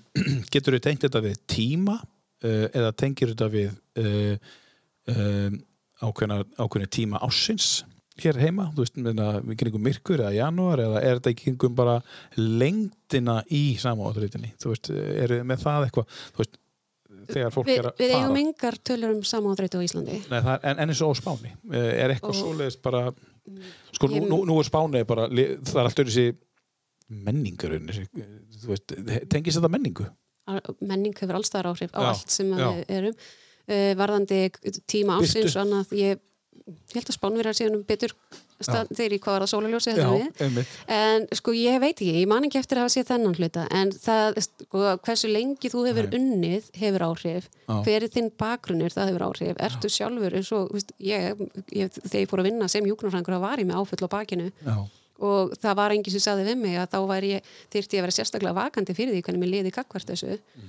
Og uh, við þurfum alltaf að rýna eins í veist, hvernig við bregðumst við, við þurfum að þekkja líkamann okkar, við verðum að þekkja hugsanaháttin okkar, við þurfum að þekkja tilfinningarnar okkar, þannig við getum brúðist við. Já, einmitt. Og, og það, og það og heilbriðskerfið það, og bara ef að þú ætlar að bjóða upp ykkur þjónustu þá þarf það að vera að hugsa um það hvernig ætlar að hlúa að fólkinu sem veiti þjónustuna. Já, einmitt. Eftir, að þú fórst að stúdur þetta Mhm. uh, og basically hella þér í þetta mm en hjálpar þetta þér í starfinu þínu að vera meðvituð um þetta alltaf. Já, en, en, en áður, me, me, er mikill munur þú veist bara hvernig þetta var. Áður og vissi hvað samáður þetta var og núna stýrur, já, já það, hjálp, þetta, þetta breytti minni sín og hvernig ég vinn og hvernig ég uh, aðstóða fólk sem vinnur í alls konar aðstæðum. Mhm. og, og ég reyni til dæmis nota ég rosa mikið uh, hugtökin svona vinnu sjálf Já. og svo persónulega sjálfið mitt. Já, og ég teikna broskall Já. og ég skipti broskallinum upp til helminga. Já, og ég spyr mig alltaf veist, ef ég er að fá nýjan kuna í, í hús veist, er þessi einstaklingur á hann heima engungu í fagsjálfinu mínu eða er hann skarast það á? Er hann líka persónulegur, veist, er þetta einhver kunningi minn og ef þetta skarast of mikið á og ef hann er komin yfir á persónulega sjálfið mm. þá er ég alltaf að fara að byggja einhver vinnufélag minna að, að sinna þessu máli. Já, ég þarf líka að spurja mig þegar einstaklingurinn er komin í hús og þegar hann fyrir að ræða það sem hann er að fást við er, er þetta sambarileg saga á sem persónulega sjálfum mitt? Já hefur, veist, veist, þannig að ég, þannig reyni ég að aðskilja Já. mikið og, og svo ræði ég ekki heima.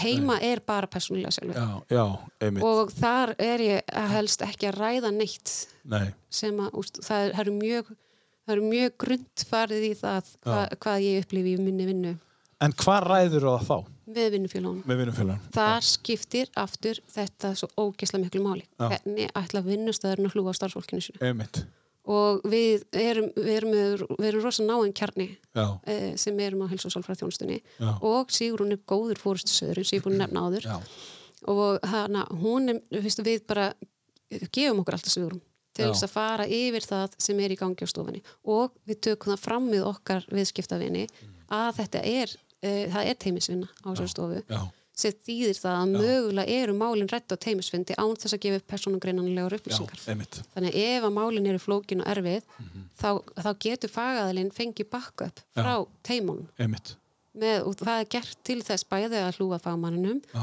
og til þess að viðskiptavinnurinn fái eins djúpa og breiða þjónustu svo hægt er. og viðskiptavinurinn getur þá líka verið vissum að hlutinir eru aðeins að rættir innan hús Alltaf. Eh, vegna þess að þar eru málinn tækla því þið þurfi líka að tækla ykkar mál Það er bara alltaf 100% trúnaður. það er bara algjörlega. Og, bara, og, er, og á teimisundum þá veit teimið ekkert um hvern ræðir. nei, nei veist, það, er, það er alveg Já, þannig. já, sko. um, Við ætlum að fara yfir í, í, í textan eða, eða, eða það er málin á alþingi sem að þú skrifaðir Já, akkurat. Mér langar að ta tala eins um það á eftir uh, Tökum eitt lag fyrst Hvað myndur þú vilja taka þá? Uh, Við erum búin að vera í svo rosalega harmþrungum lögum einhvern veginn. Já, Eigum við að ta- henda í eitt en mjús? Nei, við erum ekki búin að taka neitt mjús. nei, nei, nei Sko, þetta er svolítið harmþrungi lag líka. Já. Þú sagðir að það er því svolítið balluð sko, eða svona, þú veist, þegar svona Já, þú hlust, þú veist, það sittur, sittur, það er það sem að er já, þetta er lag ógesla fallegt. Þetta er glænýtt með mjús. Mhm. Þetta er sungið held ég á ítilsku og ensku. Já, já, Ég finnst það, að ég ekki bara leifa því að vera. já Ghosts heitir þetta lag Feelings that haunt me It's too late to heal. I'll lay them to rest. How can I move on when everyone I see still talks about you? How can I move on when all the best things I have we made together is to am lost in a void with your ghost and our memories, lest we forget the great reset.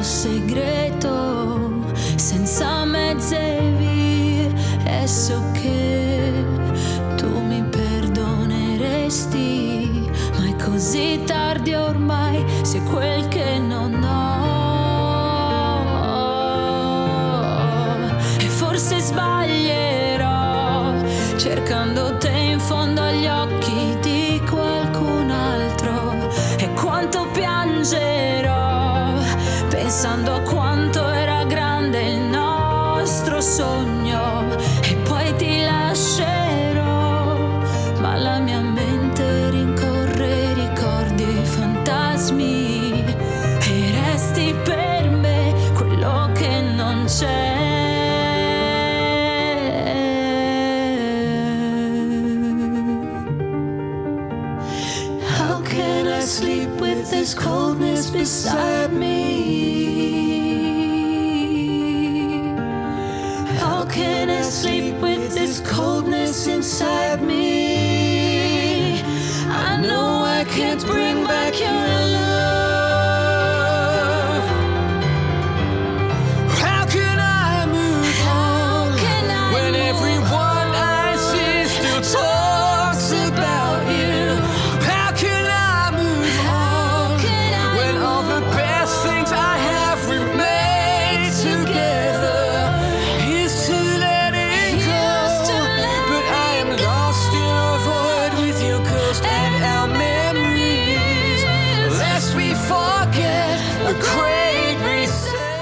Elisa syngur hérna með Matt Bellamy uh, Ghosts, splunkunni í lag með Muse um, How can I move on, Ghosts Það Þetta er hörku textið þarna Það er ógislega flott. Já, um, við ætlum að halda áfram með uh, samöðuþreytuna, þú nefndir kulnun á þann uh, Hver er munurinn á, er, er þetta sama eða, þú veist nei, þetta er ekki það sama.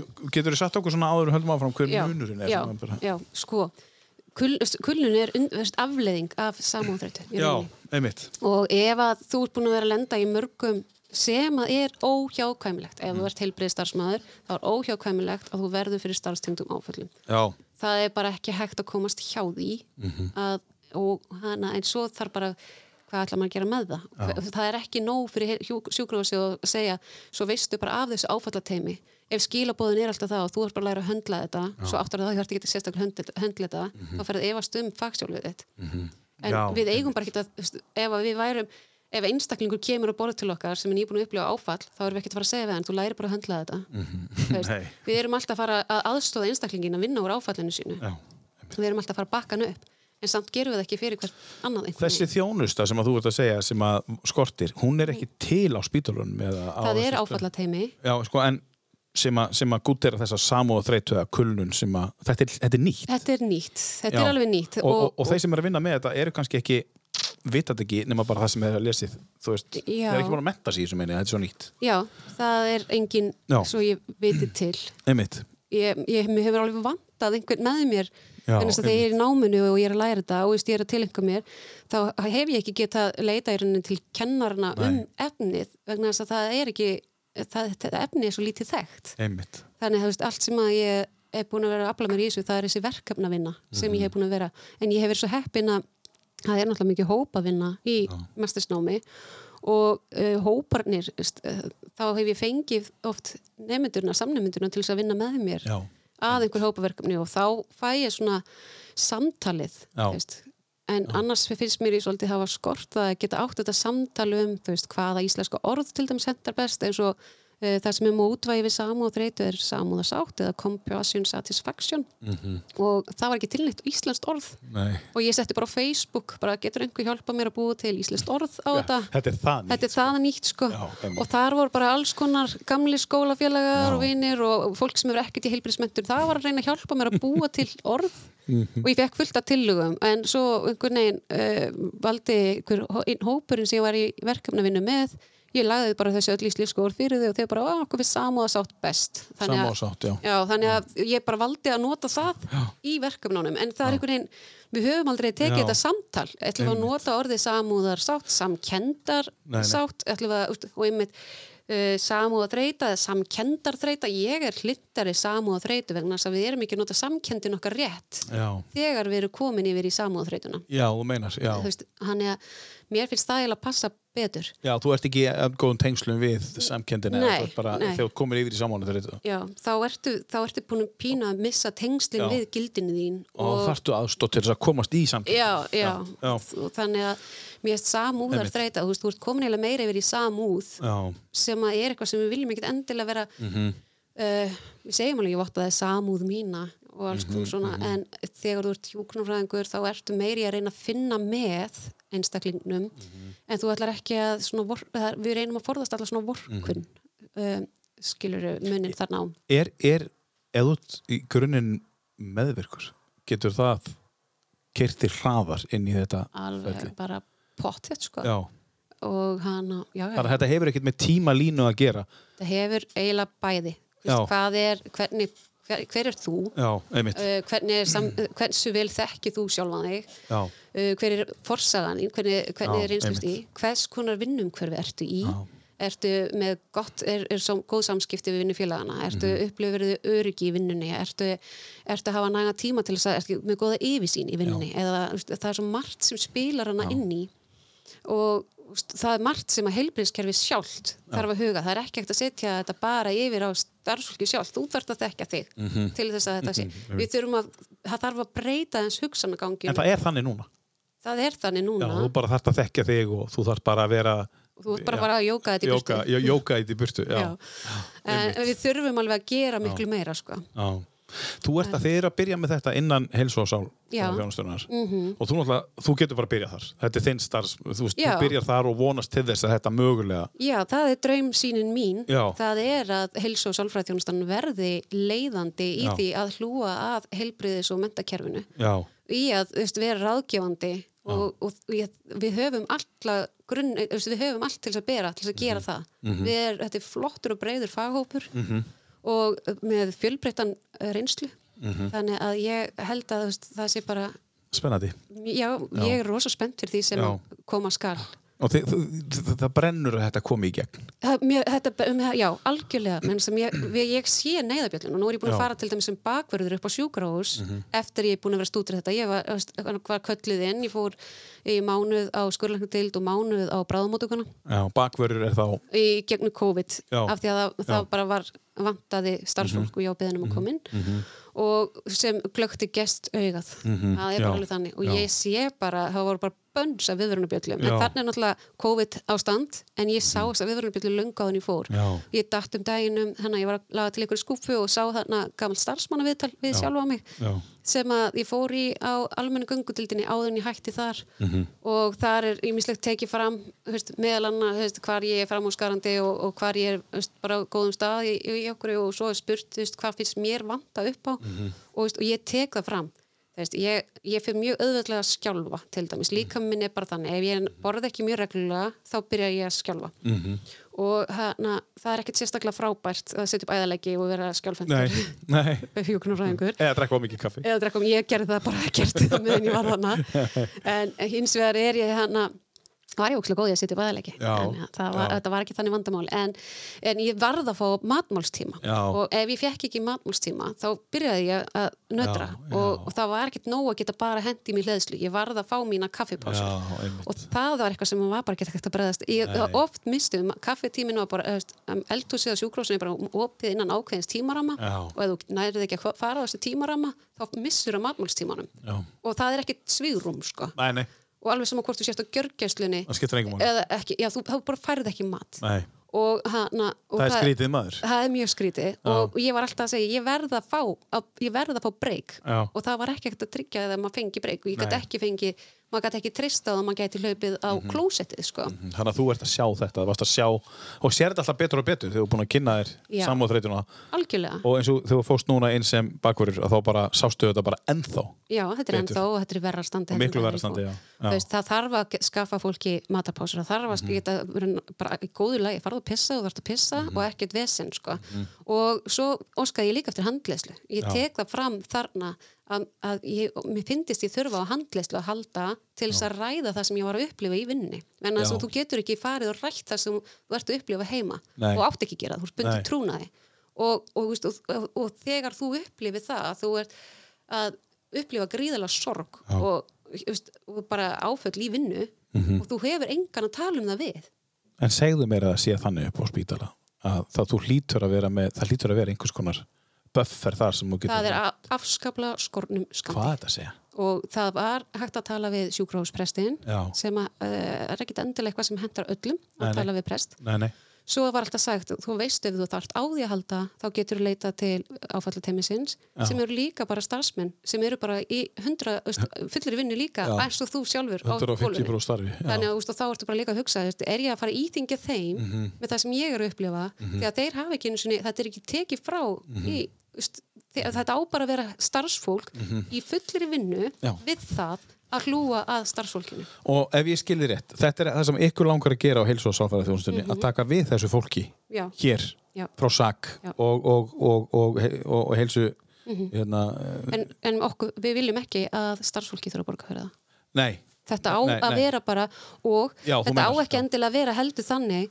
að, að þetta sé bara ef þú þarft á að halda Nei, þetta á vera þetta á bara að vera partur af vinnunniðinni að þú, alveg svo slökkulið minna að þeir eru bara með fasta tíma í líkamsrækt Mhm. Já, á launum. Já, og þú bara mætir í ræktina þess að það er vita að þú þarft að vera í líkamlega góðu formi. Mhm. Ef þú ert að gera þetta þegar þú ert í fríi þá mögulega getur þú. Akkúrat. Já. en Eins og löggan gerir. Eins og löggan gerir. Ég veit ekki með það. Það er nú bara þannig ég hef ekki hugmyndum um hvernig þetta er en þannig. þetta er það sem ég finnst já, þetta er allavega það sem ég finnst vanta og myndi vilja sjá Já. breytt og hana með fullur virðingu fyrir áfallateiminu sem að er að vinna þá, þá bara veit ég það að þeir eru líka að upplifa alls konar já, já. Um, ég, að því ég var að tala um lögguna uh, Mhm. þetta er þetta 2000, 2001 þá er ég þá, þá kom upp mál og þá eru allir lauruglumenn kallaðir inn Mhm. um, og við sittum og, og, og, og varstjórinn segir er eitthvað sem að þarf er, aðstoð, er, eitthvað sem að þarf áfallið hjálpina er einhver sem þarf akkurat Já, og ég bara, og, og þú veist, heldur þú að ég fara réttu pönd eða engin annar réttu pönd? Nei. Bara, nei, ég þarf það ekkert, sko. Og, og, og, og, og, og hérna, ég man eftir að sérsveitin var svolítið snýrið sem við alltaf bara, hverju þurfa áfallega hjálp? Maður bara, þú veist, gert lítið úr þessu, Já. skilju, og það er engin sér réttu pönd. Nei. Nei, ok, ég er búin að bjóða okkur þetta, hal- haldið áfram að vinna. Þetta er náttúrulega fáralegt. Fáralega vinnubröð, ég vona að og við eigum ekki að normalisera það að við finnum ekki fyrir því þegar Nei. við upplöfum að, veist, það er bara þannig þú, sér, þú, ert, að, þú ert að færa einstaklingum ömuljóstu fréttir lífsins þú, það, er, að, veist, það er ekki eftir að veist, lýsa því hvað, hvernig það er að sitja þannig og segja fólki að það sé að deyja þú veist, og, og, maður á bara ef þú finnur ekki fyrir því Mm -hmm. Þá að fara að finna eitthvað annað að gera. já, en eins og elsku vinnu minnan Friðbjörn segði, það venst aldrei það bætist bara gráa hárin Já. En af hverju er ekki helbriðskerfið að hlúa bara að fólki þannig að þú getur bara verið í þessu lengi, gert það vel, fundi fyrir þessu, það er allt í læg. Við erum hérna til að bakka þig upp ef þú finnur fyrir þessu. Ekkert ef, þegar þú finnur fyrir þessu, þá bökkum við þig upp svo þú getur verið eins góður í því sem þú vil gera. eins og, og lauruglum aðeins vinni mín sagði því mér var með á bíl að því við vorum að tala löguna þegar við fórum á spítala hittum einn ungan dreng sem aðeins lendi í einhverju vondu um, þá þurfti ég að fara út í bíl og hann kom út í bíl þegar það var búið og ég sagði ég er ekkert sem ég geti sint þessu starfi því ég er bara svo opni fyrir þess að þetta ömurlegt og Já. þá sagði hann, ég fann ekki fyrir þessu en þá fórum við að spyrja hann, þá fór ég að spyrja hann en hlakkar til jólana? Nei, hlakkar til að fara í sumafrí? Nei, hann hættur að hlakka til þannig að tilfinningar er bara farnar í lífinu líka sko, Já. hann er bara múið að slökka á öllu mig og ég sagði, Já, og sagði ég það kannski fara að finna mér eitthvað annað að gera og núna 20 ára setna er hann ennþá að vinna í lögurinn sko. Ég vona hann hafi lagað sig, kallinn, hann veit, hann veit, hann veit að hann er að hlusta á þetta hver þetta er.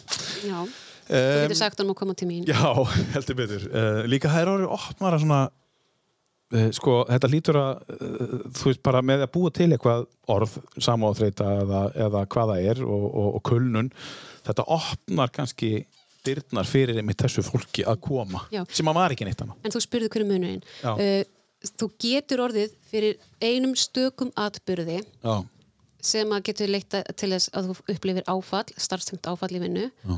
og það getur haft af, af sér afleðingar fyrir þig. Mhm. Þú getur líka upplifað viðvarandi uh, mörg uh, erfið mál sem smá saman fara að draga þig toll, sem sett annars styks áfallið Mhm. uh, sem að smá saman, ef ekkert er aðgert, Já. leiðir út í kulnun. Uh, kulnun er eitthvað sem að á sér stað yfir langvarandi tímabil. Mhm. hvort er erfiðar að vinna með? Kulnun, já. Það er hægt að vinna með áföllin. Já. Það er hægt að vinna með starftungt áföllin og, og, það er bara, en fólk verður að fá svigurum til þess. Já. En kulnun getur verið bara, þú ert bara komið ógeð og bara, ég nenni sér ekki lengur, en áfallega bara svona, ég kemst yfir og ég vil halda áfram. Kulnun er miklu dýbra en það. Já. Kulnun er bara uh, gríðarlega erfitt ástand Já, og, og það er ekkert hlaupið að ég komast út úr því aftur nei. og hana, og kulnun get, úst, bæði kulnun og starfstengtu áföllin geta haft uh, alvarlegar afleðingar fyrir starfsmannin sjálfan Mhm, og vinnustæðin og skjólstæðingana sem að starfsmaðurinn er að sinna sko. Allt þetta uh, ert þú búin að setja saman í einhvers konar hefti og þú, þetta er komið inn á alþingi. Já, Segðu okkur eins frá því, hvernig, hvernig fór þetta að þonga? herðu, ég var mjög miklu vafa hvað ég ætti að kjósa og, hana, og ég ákvað bara það að ég var búin að þrengja ramman og ég ákvað að fara og tala við e, þá forsvarsmenn sem voru í, í flokkunum og spurja þá veist, e, hvað ætlaði að gera með samáþröyt og svo enda mig, ég mæti nýra eitt stað og það er bara hringt í ja, þann sem var leiðandi fyrir þann flokk og ég bara segi við þann einstaklingi í síma bara, bara allt, bara úr þýl upp þetta svolítið og, og af mikill innlifin og, og einstaklingu segir bara ef þú gefur mér þitt atkvæði og lofa ég að koma því á framfæri. Þurftar að fá atkvæði til þess að koma svo framfæri. E- e- ég minnir að ég hafi sagt að hún hafi sagt þetta ég er alltaf svona sem ekki alveg en, hengjað á en, en því spáði samt í því, samt.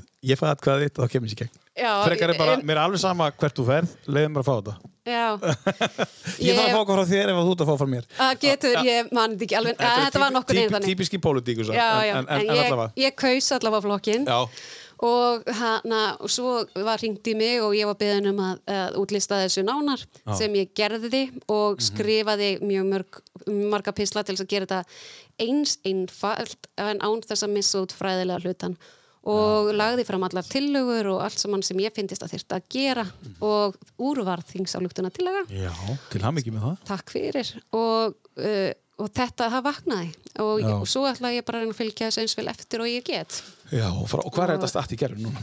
ég, bara, ég veit það ekki. Alþingismæðurinn sér bara um það sem er að sjá um það en ég er að fylgja þessu eftir með því að skrifa grein í tímaritt íslenskra hjókunarfræðinga eftir fór í viðtal þar.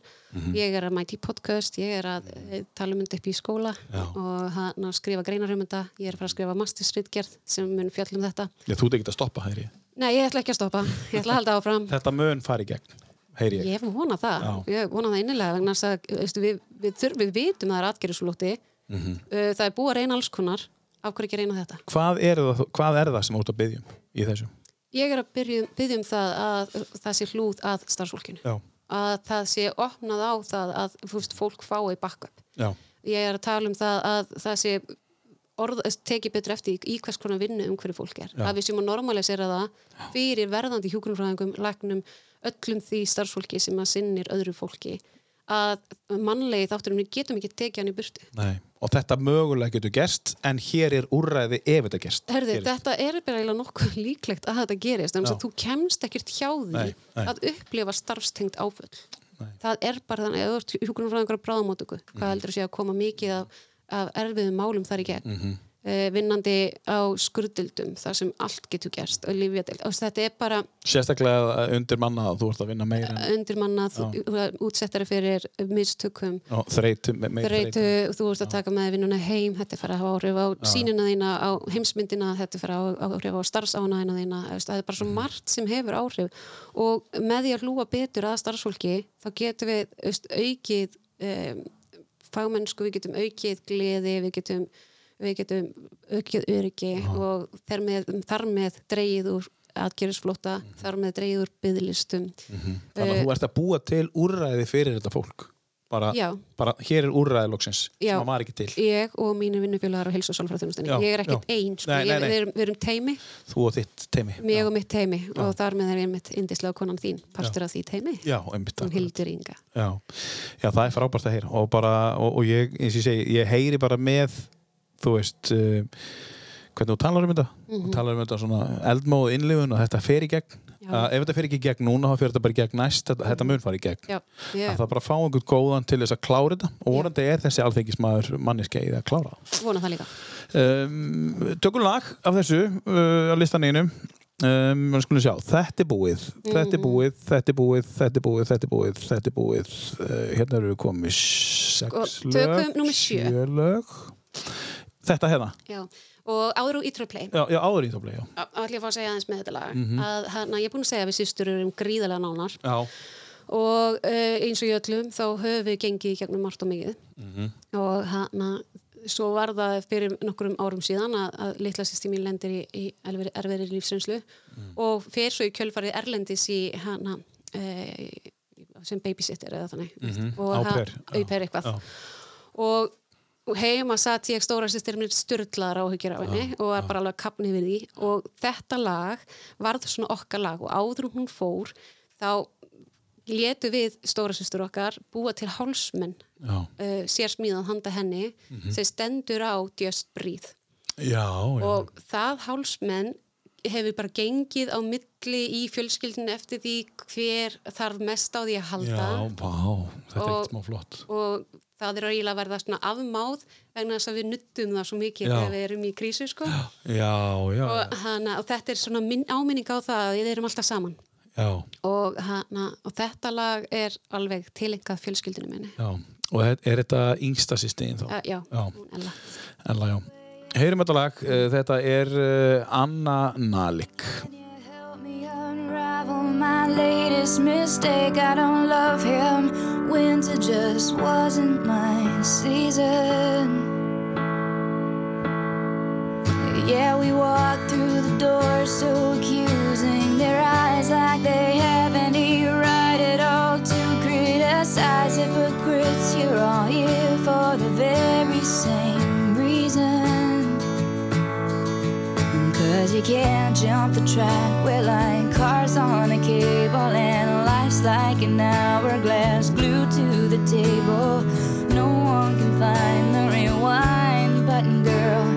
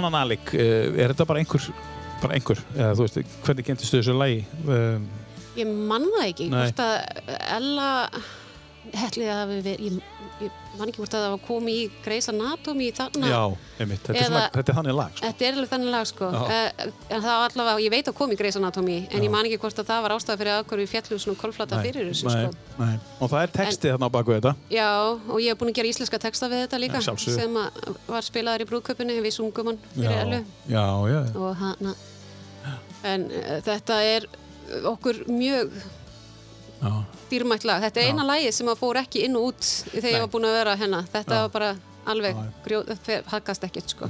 Ég sé það, það ég- kemur hérna inn bara þegar þú ætti að leika með listan hérna bara strax, það eru nokkuð lög sem eru hérna inni Já. og fáur ekkert út. Nei, Þú sér það hér, sko. akkurat.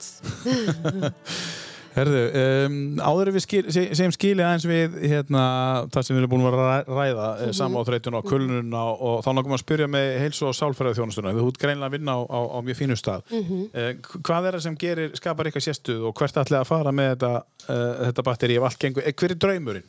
Eh, draumurinn minn Hver er hinn á stofunni. Já, bara draumur, bara Draumur- ykkar á stofunni að, Draumurinn minn, svo ég sé bara að henda þessu út kosmu og aðtók að ég ná ekki að síkreta þetta. Já, Það er að hana, mér langar bara að við séu leiðandi í heilbriðis vísindum á Íslandi. já, og jafnvel út fyrir landsteinuna og mér langar að, að það er svo margt sem að uh, stofan mín er, með, er að gera geggjaða hluti.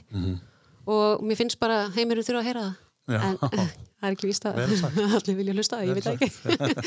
En til dæmis erum við með þegar við varum að tala um kulnun áðan við erum með geggjun námskeið já, og hana, við erum með það er, við erum með til dæmis eitt námskeið sem heitir leiðin áfram og nú er stofan bara rétt eins og hálsás en við, það er tólta námskeið er að, er að ljúka og það er 11 skipti hvert námskeið. það er bara eins og sé bara alltaf námskeið. Það er bara alltaf námskeið sko og, hana, og ég er í upphafi með fólkið og í lokin. Mhm. þannig að ég sé hvað er að gera mm þegar hana Magna já, útkomuna sko. Og það er verulega magnað og það er svo gaman að uppskera með fólkin að sjá þegar það bara það er að tengja við sjálf sig, það er að sækja eftir gildi. Þetta er svolítið samúðreitan líka sko. Já, já. Að hana, Og þú byrjuð að henda því svolítið inn á námskeiðin já, já, já, ég er alveg óspart að nota þetta í allir Já. minni vinnu sko. Já. og er, þó ég orði ekki við fólk hvað ég er að veist, eh, svona, hvað, ég, hvað fræjum ég er að sá hjá Mhm. fólki þá er ég að sá því að veist, efla sjálfstekkingu Já. bara í öllu Já, og hana, það, er, úst, það er svo gaman að sjá þegar fólk hennu bara úst, sér það að það getur í alvöru hafa verið gjöf Já. að lenda á vegg að, að, að, að, þá bara fyrst fer það að kynnast sjálfum sér Mhm. Og bara uh, fattar það að það hefur ekki spáð í sínar þarfir og langanir Mhm. mjög lengi og bara fyrir hvað stend ég Þegar talar um gildi við fólk kemur ekki fólk svolítið stundum á fjöllum bara gildi, hvað meina, hvað er það? mm Jú, Já, bara, Bara hvað meinarðu? Fullori fólk, hvað Já, meinar já. hvað er það?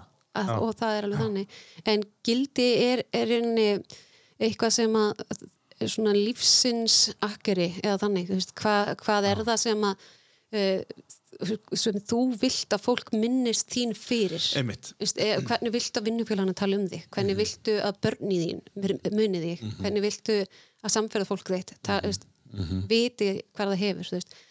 Uh, til dæmis er samkend Já. það hefur alla tíð verið mitt gildi, ég meni fann samkend með ánamöðkum og, og sem að Í rigningunni. í rigningunni. Og fann, fannst uh, lífs þetta ótrúlega ósagjart hvaða ánamaðkar, hvaða hlutur þeir fengu í lífinu. En hana, og það hefur bara allar tíð verið. Ég hef rosa ríka samkend og þurfti svolítið að- að læra á mína samkend en hana, hún er gildi mitt, hún gæti bara verið skrifað með ósynlegu stöðum innan framan á bringun á mér Og- Eða tattúi. eða tattúi, hver veit Já, allavega er einhver hjálpt að kvísla mér og hún segist ætla að finna handa með tattúi Já, uh, sko, um, er ekki líka auðveldar að taka ákvarðanir þegar þú er búin að finna gildi þín? Alltaf og bara öll sjálfsþekking er líkillinn að öllu. Ef þú hefur lent í áfalli þá er það sjálfsþekking. Ef þú ert að fást við veikindi þá er það sjálfsþekking. Ef þú ert að leita rétti vinnunni þá er það sjálfsþekking. Ef þú ert að finna réttan veist, þá er það sjálfs, hana, sjálfsþekking. Þú verður að borða. sjálfsagt. Já. þú verður alltaf að vita þitt. Þú verður, og, og, og læra að finna öryggi í sjálfum þér. Já. og svo velur þú fólkið sem ætlar að hafa samferða. Og fyrir utan það að þessi blessaða íslenska meðvirkni hverfur svolítið með gildónum sko, gildi og fylgir gildónum það er, það, ég held að þessi enginn sem er með gildin sín bara, ég ætla að vera geðvægslega meðvirkur í, í lífinu þú veist að ég held að mjög, mjög fáir sem að setja það inn í gildin sín Já. en ef þú gerir það þá bara er það allt í lagi. En, en þú nær þá einhvern veginn að, að íta því til hliðas og, og þá veistu ég þarf að gera þetta og þetta og þetta til að gera þetta og þetta og þetta til að gera þetta. Og þetta er svo einfalt. Mm Já, ef að lífið væri einfalt. Já, já, ef að lífa verið einfalt. Sem það er alls ekki sko. En svo það sem við erum að gera á stofinni er rosalega fjölbreytt. Og hana til dæmis eins og ég nefndi áðan með teimin Já, þá erum við til dæmis með greiningarteimi og það er búið að vera að tala mikið um ADHD í samfélaginu. Já, og þar er meðalans við erum með ADHD greiningar og, og byðlistar eru ekki þannig langir þess að við erum búin að e, þróa hvernig verkferðlana hjá okkur á stofinni hvernig við gerum þetta og þetta er svolítið mikil samvinna í teimisvinnu og þannig að, það, að fólk þarf ekki að býða lengi. Nei, og það úst bara ef að það svarar listunum sínum og, og er tilbúið að fara í þetta ferli þá bara gengur það hansi smurt fyrir sig. Já, það er frábært að heyra. Já, og bara ímislegt Þeir fleiri eru með he heimasíðu til þess að kynna fyrirtæki bara ennþá betur, heilsa á sál.is heilsa á sál.is Já, þannig að það er þetta að fá allar upplýsingar þar. Mhm, og það er meðal annars frábær barna og uh, foreldra og uppeldisrákjafi til dæmis líka. Já, það, er, við, það er allur pakkin Það er allir pakkin sko, það, er, það er þetta að fara bara með öll heimsins vandamál Já. þarna inn og bara alla gleði og, og, og þá má líka koma að Já, Já. og Já. leggjum áherslu að vera, við ætlum að reyna að vera alltaf tvisar ári með einhverja góðgeradaga og vorum með góðgeradag til dæmis sem að við buðum heilbriðstarfsfólki og kennurum á fyrirlestur Já. um samúðrættu og samtal sko, þar sem að Já. fólki gata aðeins tjáð sig um það sem það var að upplifa Og hvernig upplifðu það? Mjög vel og það var, það var svona svolítið skipt, uh, jafn hópur af kennurum og heilbriðstarfsfólki Mhm. og hana, það, mér fannst þetta bara mjög skemmtilegur og áhugaverður fundur. Og allir sammála á að þetta skortir Já, það held ég. Og fyr- fyrstulega bara veit fólk ekki að eitthvað skortir þegar að þú veist, veist ekki vandamálinu, Já, skilur Já, einmitt Það þarf oft, og fólk er líka stundum, er, er, þurfum við ekki bara aðeins að harka af okkur og er þetta aumingjaskapur eða eitthvað. Er það ekki það sem þú ert að eiga við núna? Já, Já. Stóra batterínu, þetta komið á háa alþingi að það er einhverju sem segja að þetta fólk það bara að harka að sér og hætta þessum auðmingjaskap Já. Er ekki bara, er það ekki hugsunarátturinn nummer 1, 2 og 3? Ég, sko, mér finnst allavega sko, að fólk má ekki gleyma því að veist, við viljum vera mannleg. Já, Mannleikin veist, er það sem gerur okkur já, einmitt vonandi að einhverju já. og ef við ætlum alltaf að þakka niður í þessu mannlega Mhm. og ætlum að gera það að veikleika að finna fyrir að vera mannlegur Mhm. Þá erum við komin að segja hálfinn í sko. Við ætlum að taka lag, svo ætlum ég að spyrja það eftir að því að þetta fyrir að vera búi hjá okkur. Mhm. hvað er fyrst gaman að gera, svona fyrir utan að það verið í vinnunni? Það er auðvitað gaman í vinnunni hjá þér. Um, Hvað ættum við þá að taka sem næst síðasta lag hérna núna? eigum eigum við eitthvað að hressa upp í þessu? Þú mátt bara velja, kom þú mér óvart Má síðustu- já, Þetta hérna þá, Ok. þetta nú, það verður nú ekki mikið meira stuð en þetta hérna. Það keiri það eins upp. Jep. ef ekki enda síðan á þessum hérna eða er þetta ekki gæðin sem þú talaður um aðan við, já, já, já, við skulum hérna heyra í Britney Spears Mhm. hver fílar ekki Britney Spears? nákvæmlega það er svona Britney Spears dagur hjá öllum fjölskyldum einn dag á ári, það er bara þannig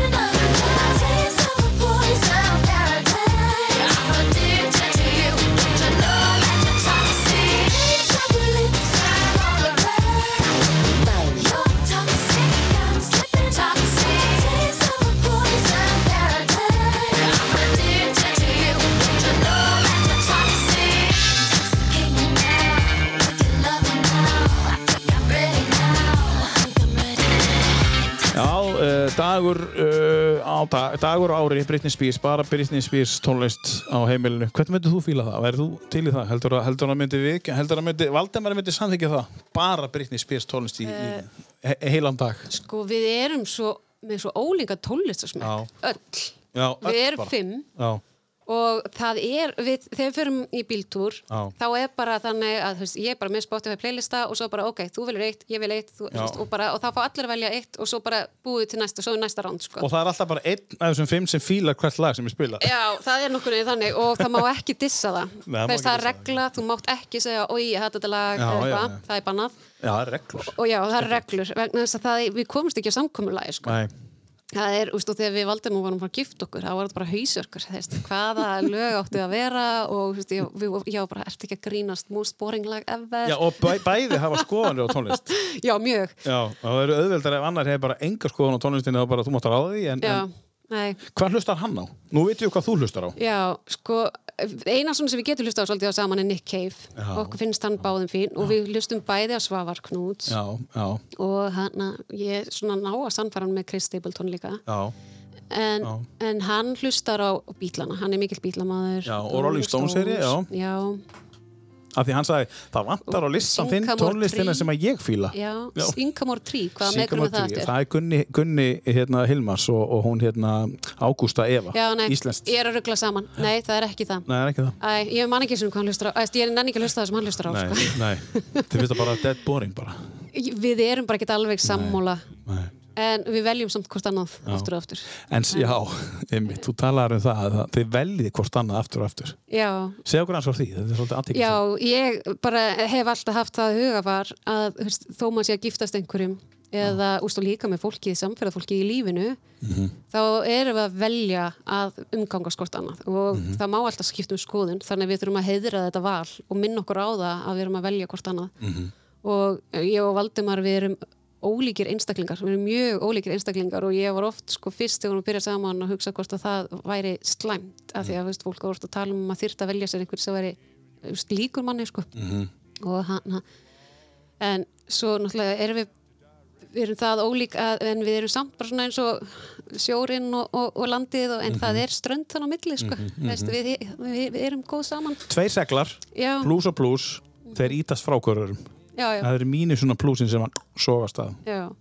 Og, ég, og af því að við erum svo ólík þá eigum við líka erfitt með að finna okkur sko, ólíka sko, tólist, ólík efni sem við höfum gaman af bæði já. þannig að, að, þá þurfum við líka bara að minna okkur á veist, að við erum samt alltaf að velja að vera saman mm það má skoðun Já, já. þannig heiðrum valið og veljum hvort annað aftur og aftur Aftur og aftur, já. Það er einmitt það sem er svo magna. já, Uh, hér er nú lag sem heitir Into My Arms með hérna af The Boatman's Call uh, Nick Cave og The Bad Seeds sem fara að rúla hérna undir mig en ég spyr því svona hvað finnst þér annars gaman að gera? Þú veist, þér? já, já.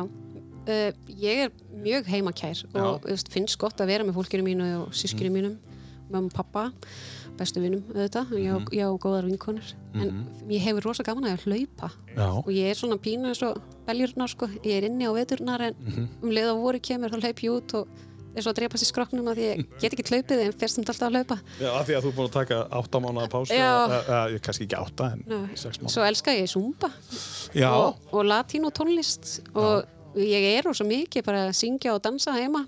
Já. og ég er búin að fá að heyra það frá mjög mikið frá börnunum mínum að ég er mjög léleg í báðu að syngja og að dansa? syngja og dansa. Og tíu ára dótti mín sagði um daginn, hún vissi ég var að fara að skemmta mér og hún bara, mamma,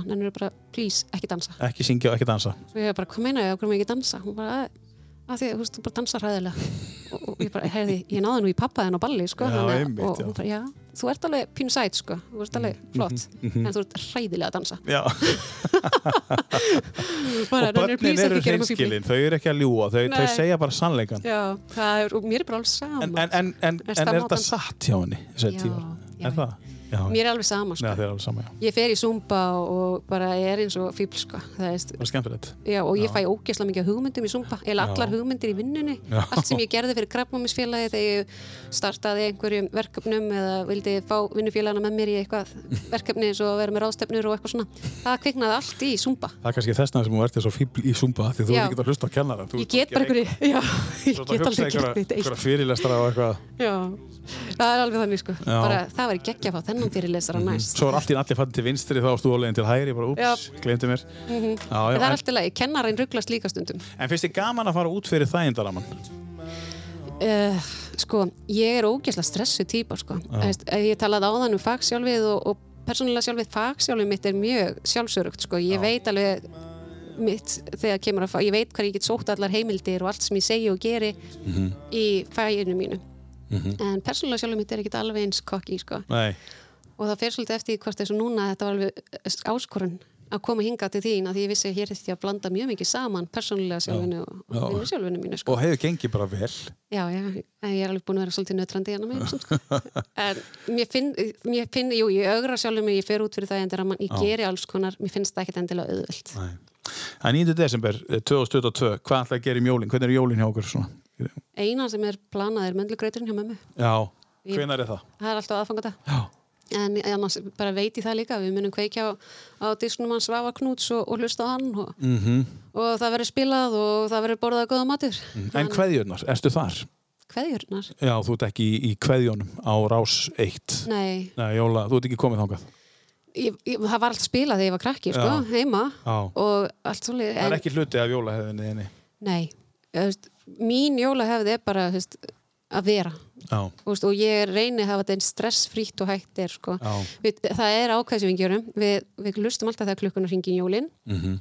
Eh, eftir matinn þá áður en opnaði pakkanir þá er alltaf tekin fjölskyldumynd taka í sófanum þar sem við stillum á svona, uh, þannig að myndælinn tekur sjálf Mhm. Og ég á þannig veist, á milli ára hvernig bönni mín stekka já, og hvað skemmtilegt. heimilistýr er á heimilinu það er alltaf tekið Skemmtilegt. með hennar myndinar og Já, já. og hana, uh, þannig að það er svona einu föstu hefðunar, svo fer ég til tengdafóldra minna ég hef yndislega tengdafóldra, ég hef ekki talað um þau Nei. en þau eru yndislega. Batti og Páll og hana, við förum til þeirra á jóladag borðum með þeirri fjölskyldu Mhm. þar þannig að ég bara, ég er alveg jólabarn sko, en hana ég er ekkert sérstaklega góð í að skreita eða baka en En svona aðvendan núna, síðustu, síðustu dagarnir fram að uh, jólu núna, hvað?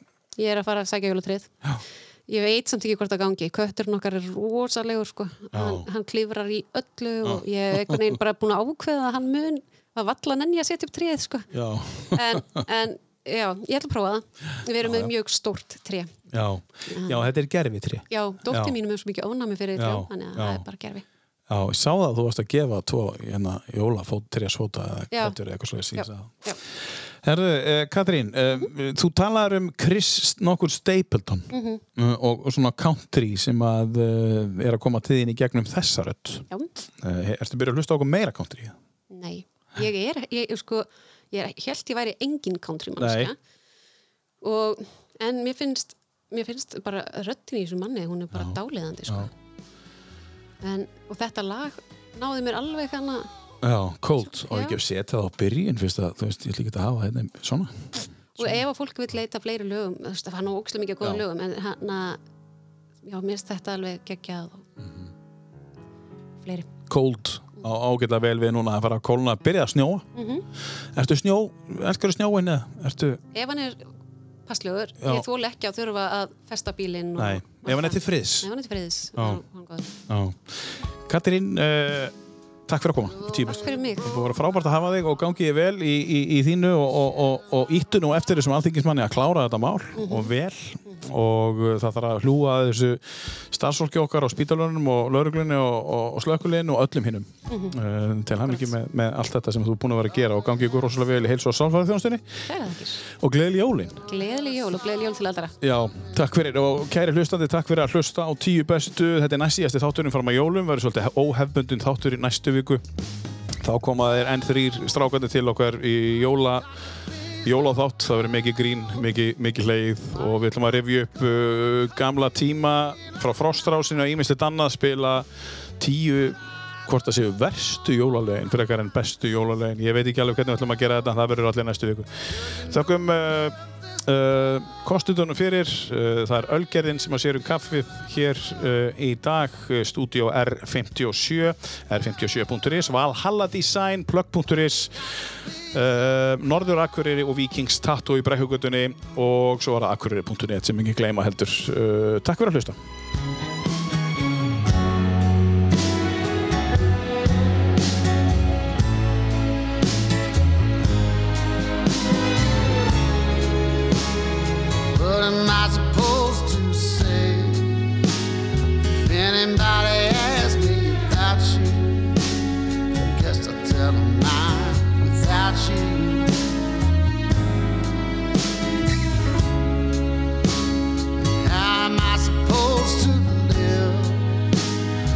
And I built my life around you. Try to put yourself in my shoes.